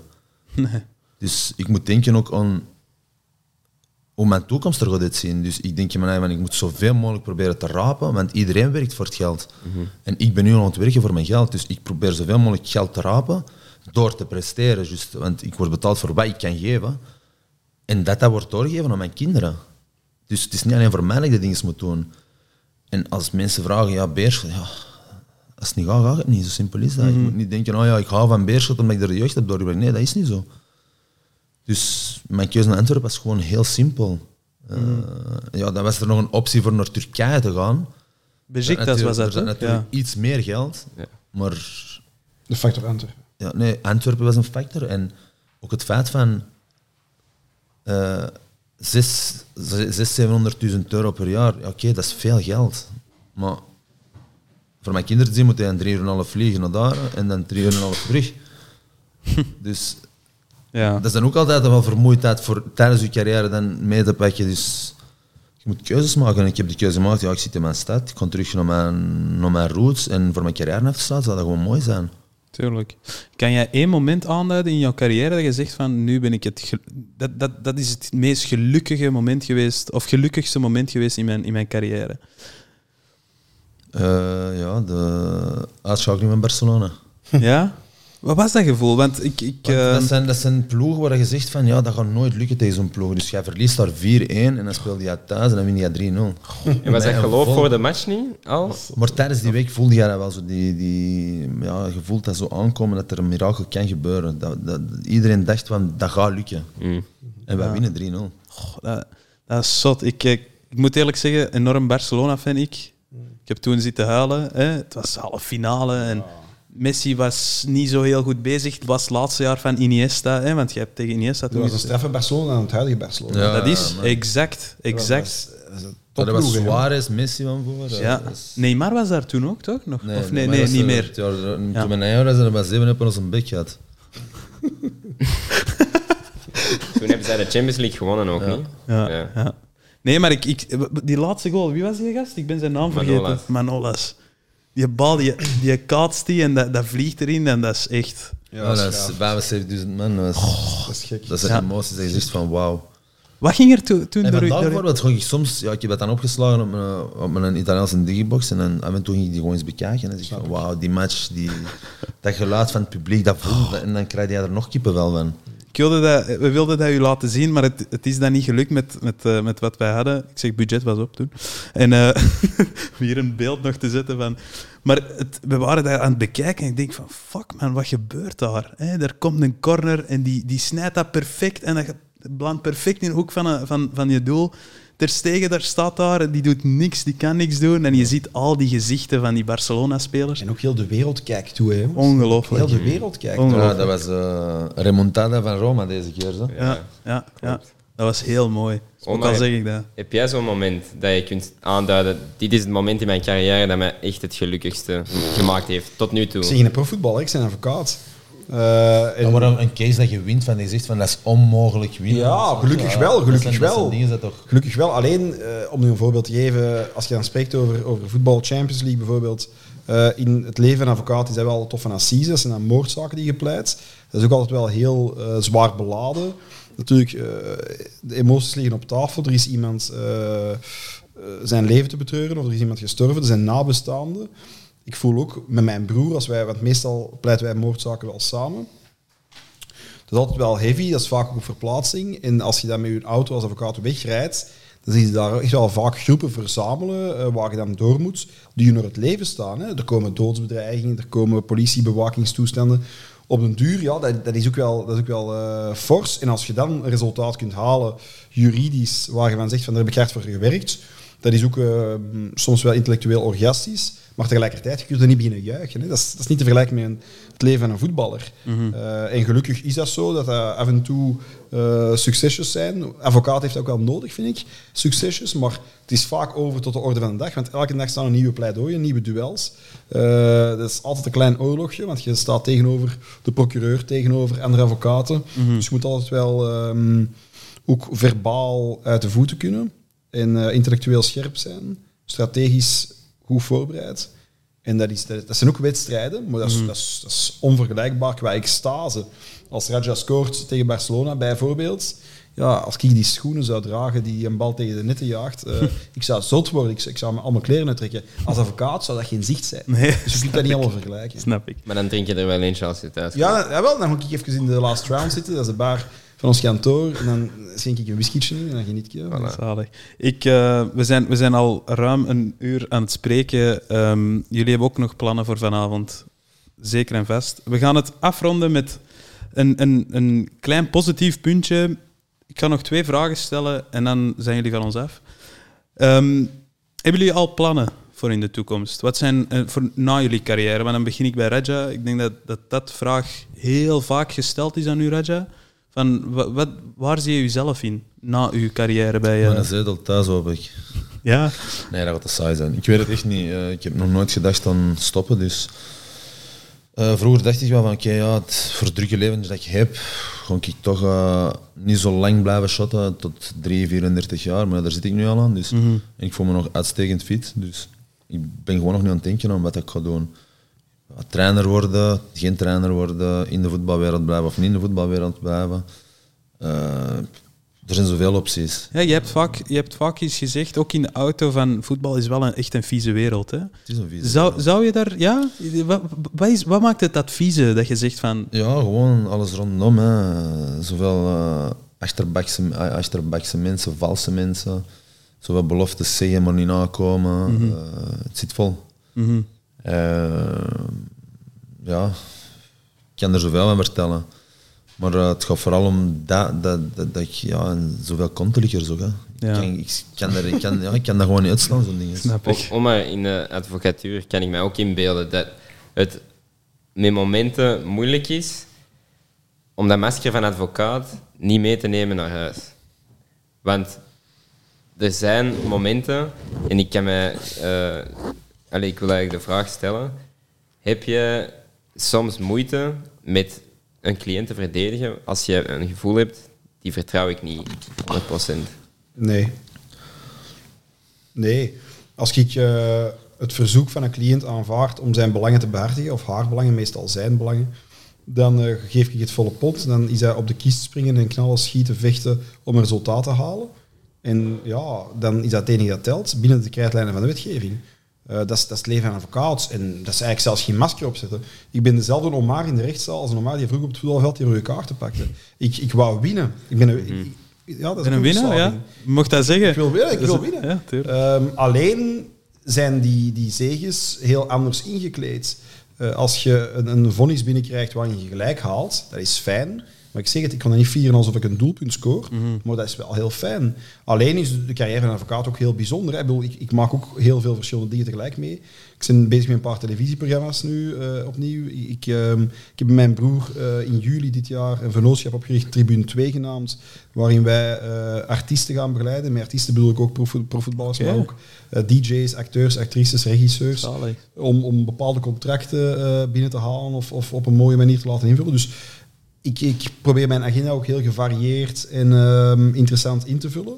En voorlopig lukt dat aardig. Fantastisch. Dat is eigenlijk alleen dezelfde vraag, alleen niet wat wil je na jouw carrière doen, wat wil je daarnaast doen?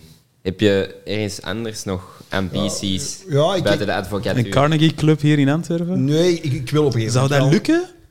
Überhaupt? Dat weet ik niet. Moet ik eens over nadenken. Horeca in Antwerpen is niet meer de horeca van de jaren Nee. 90. Om daar uw boterham te verdienen is volgens mij moeilijk geworden, maar oké. Ehm, maar ik, eh, ik zeg het, de factor New York blijft wel spelen, dus ik wil daar sowieso nog wel bepaalde dingen bewegen. En ik ben sinds dat ik heb meegedaan aan de slimste mensen ter wereld, met, eh, ik heb toen een, een fijn gesprek gehad met een Erik van Looy, die ik ook al lang ken als Antwerp-supporter uiteraard. En ik ben sindsdien ook al een bepaald televisieprogramma aan het kneden waar we nu vol een bak mee bezig zijn. En dat volgens mij wel eh vorm gaat geven. Dus dat Zalig. wordt- dat was plezant. We zijn benieuwd, we zijn benieuwd. Mooi. Raja, ben jij momenteel bezig met ehm, investeringen die je wilt terugzien op lange termijn na, voor na jouw carrière? Nee, op het moment zelf niet. Hè. Eh, ik heb ge- geïnvesteerd in vastgoed, maar dat is op het moment nog allemaal persoonlijk. Eh, dus ik heb wel mijn, mijn, mijn huis in Sardinië, mijn huis in Rome. Nu hier ben ik ook iets aan het kopen. Maar ik weet het niet. Ik ben, ik ben nog niet echt zeker van wat te doen. Dus eh, vandaag investeren. Ik heb liever mijn portefeuille groot, eh, waar, dat, ja, waar, waar, waar je een interest op hebt, dan nu te investeren in iets en verlies op hebben. Ik denk dat je als je iets in, in iets investeert, dat je er ook volledig 100% bij moet blijven. En als je voetballer bent, denk je dat dat moeilijk is om 100% te kunnen volgen. Ja, snap ik. Mijn laatste vraag, en ook tevens voor jullie ook beiden. Eh, de 18-jarige Raja, welk advies zou je hem geven? Mocht jij nu terug kunnen kijken? Ik heb veel fouten gemaakt. Oh ja, fouten. Ik heb geen misdaden of zo gepleegd. Hè. Ik heb veel fouten gemaakt. eh, tot heden nog. Eh, en uit die fouten leert je. En ik denk nu, op een dag van vandaag, zoals je er juist zei, met Dwom of zo, ik zie me er heel veel in. Het is, een, eh, het is een losse jongen, zou ik zeggen. En ja, ik probeer hem gewoon een beetje die input te geven, waar het me geen fouten moet maken.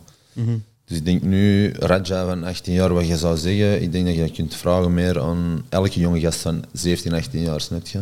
Die nog zichzelf niet kent, Ja, niet niet weet wat hij moet ja, doen. maar op 17, 18 jaar moet je echt nog ontdekken hoe je echte persoonlijkheid Exact. is. Want je wilt niets verkeers ten opzichte van iedereen, maar je wilt een beetje goed overkomen voor iedereen. En ik denk Mhm. eigenlijk zo van 17, 18 jaar in het algemeen zijn toch de gasten waar ik zo'n beetje eh, wil begeleiden, maar om geen fouten te maken. Mhm. City Pirates heeft een mooi eh, project. Heb je, Ja. jij, jij bent ook Ik ben, ambassadeur eh, van dat project. Eh, ja, ik ben eigenlijk Peter, zou ik zeggen, want het is bij Mm. mij Ja. op Linkerover dat het begonnen was. ja. Nu is het eigenlijk gesetteld met de grote, met de grote bureau in Merksem. Ehm, maar het is eigenlijk een project dat ik volledig ondersteun. Ten eerste omdat ik vandaar zelf ben. Ten tweede omdat ik weet hoeveel criminaliteit dat er op Linkeroever is. Criminaliteit wil niet zeggen iemand afslachten of dat wil zeggen drugs, slechte daden doen in het algemeen. En dat is een heel mooi project omdat ze jongeren van de straat proberen te houden. Dus met andere woorden, wil je voetballen, moet je eerst huiswerk hier komen maken. Die werken dan samen met de scholen. En nadat ze hun huiswerk gemaakt mogen ze trainen. Heel mooi. Dus al die jonge gasten die houden van voetballen, die denken van oké, wij willen voetballer worden, zijn verplicht te studeren. En daar sta ik wel volledig achter. Dat is wel heel mooi, inderdaad. Omar, uw, ze- uw 18-jarige zelf die net naar Praag gaat vertrekken. Dat is te- Ik zou zeggen, buckle up en enjoy the ride. Eh, als ik terugblik op de jongen die ik was op mijn 18 jaar, wat ik ondertussen al heb mogen meemaken, ik denk dat je daar ook een paar mooie films van kunt maken, omdat dat gewoon, dat is heel dankbaar. Ik, ik, heb, ik heb kansen gekregen en ook wel gegrepen, eh, waar, waar veel mensen volgens mij alleen maar van dromen. Als ik gewoon terugblik, ik, ik heb het ergste meegemaakt wat je in een leven kunt meemaken. Ik ben een zoon verloren. Klopt. Ik heb ook twee prachtige dochters op de wereld gezet. Ik heb ehm, een bedrijf uitgebouwd, een advocatenkantoor samen met mijn broer, waar ik trots op ben. Ik zeg het, ik heb, ik heb meegewerkt aan mooie televisieprogramma's, een boek geschreven. Ik heb al veel toffe dingen mogen doen. Dat is ook een kans dat je krijgt. Maar ik heb dat altijd gedaan met, met 200% energie en, en met 100% Omar Swidi. En ik hoop dat dat zo eh, op diezelfde golf kan blijven surfen.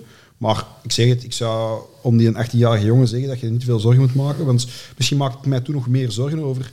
Gaat het wel lukken, dat diploma, die carrière dat je beoogt. ehm, maar gewoon enjoy the ride. Dat is het beste dat je kunt doen. Ik vind het enorm knap dat je, want jij bent op 23-jarige leeftijd voor het eerst naar het Hof van Assise gegaan. Ja, klopt. Ja, 26-jarige leeftijd net van stage, ja klopt. jouw eigen kantoor begonnen. Dat was toen al met jouw broer? Ja, Op zo'n dat jonge zijn leeftijd. gigantische risico's dat je pakt. Hè. Dat is echt springen om niet te weten tegen welke wand dat je gaat landen.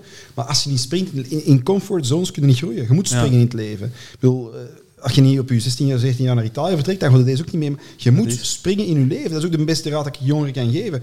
Maar springt op een manier eh, waarin je niet kiest voor het snelle geld. En dat Mhm. meen ik. Kiest voor het harde werk dat een veel grotere eh, outcome kan opleveren. Ja. Dat is volgens mij veel In verstandiger. 2018 startten wij Rakata. Ehm, dat eh, was omdat wij heel vaak gingen feesten, maar nooit echt dat, dat gevoel hadden van, ah ja, hier horen wij thuis of zo. Eh, er was vaak in Nederland en we hadden nooit iets echt dicht bij ons. Er waren altijd van die boerenfeestjes, et, et cetera, in Essen, hè, waar wij vandaan komen. En ehm, we, we- we stelden dat dan voor hè, aan onze vrienden en, en iedereen zei van, "Joh, jullie zijn zot en jullie gaat tot het einde van je leven moeten betalen als er schulden zijn en zo van die dingen. En dat, dat was hetgene van dat, dat we dachten van op dat moment, fuck it, en we Tuurlijk, doen Dat het. zijn de mensen die nu op de podcast luisteren om iets bij te leren van jullie, denk ik dan. Nee, dat, dat Je eh, moet- inderdaad moet wat je zegt. Springen. Er komen alleen maar... En ik zeg het, je kunt pech hebben, maar je hebt het wel geprobeerd. Je wel geprobeerd. Ja. En ik herhaal en ik onderstreep op een legale manier ehm, met de bigger picture op lange termijn. Niet te snel voor het, voor het eh, al te vlugge geld kiezen, want dat is meestal heel slecht nieuws. Nee, super. Heren, ik wil jullie enorm bedanken. Bedankt dat jullie tijd hebben vrijgemaakt voor vanavond. Ik, eh, ik denk dat het niet eh, gemakkelijk is om tijd vrij te maken in deze tijden. Je hebt het ook enorm druk. J- Jij nog meer, denk ik, met al de zaken die er lopen. even terug. Eh, wij hebben nog een klein presentje. Ehm, ten eerste voor Raja van Epicurios. We hebben een heel lekker vodka meegekregen. Ik weet dat je van vodka houdt. Dat is voor thuis. Dat is voor thuis. Voilà, ik zal het aan u geven. Zie je eens aan, zeg. Alsjeblieft. Merci, yes. En Omar, ik weet dat je van sigaren houdt. Dus eh, van mij, langs mijn kant, het is niet gesponsord. We mogen trouwens tabak Er is geen sponsoring daarvoor, dat weet jij ook. Maar alsjeblieft. Heel sympathiek, dankjewel. alsjeblieft. Dat is eh, zeer attent, hadden niet moeten doen. merci. Nee, super. Dat eh, doen we heel met plezier. En we hebben ook dingen om weg te geven aan eh, mensen thuis. Yes. Dat jullie twee hebben gebracht. Juist. Dat is een uh, truis van Antwerpen, gesigneerd door Rajan Angolan. En een fantastische boek dat ik ook heb eh, thuis Ja, liggen. het, hij heeft het gelezen. Hè? Nou, dat is fijn. Ja, ik heb het gelezen en ik, eh, ik weet niet meer of ik u volg, maar ik denk het wel op Instagram.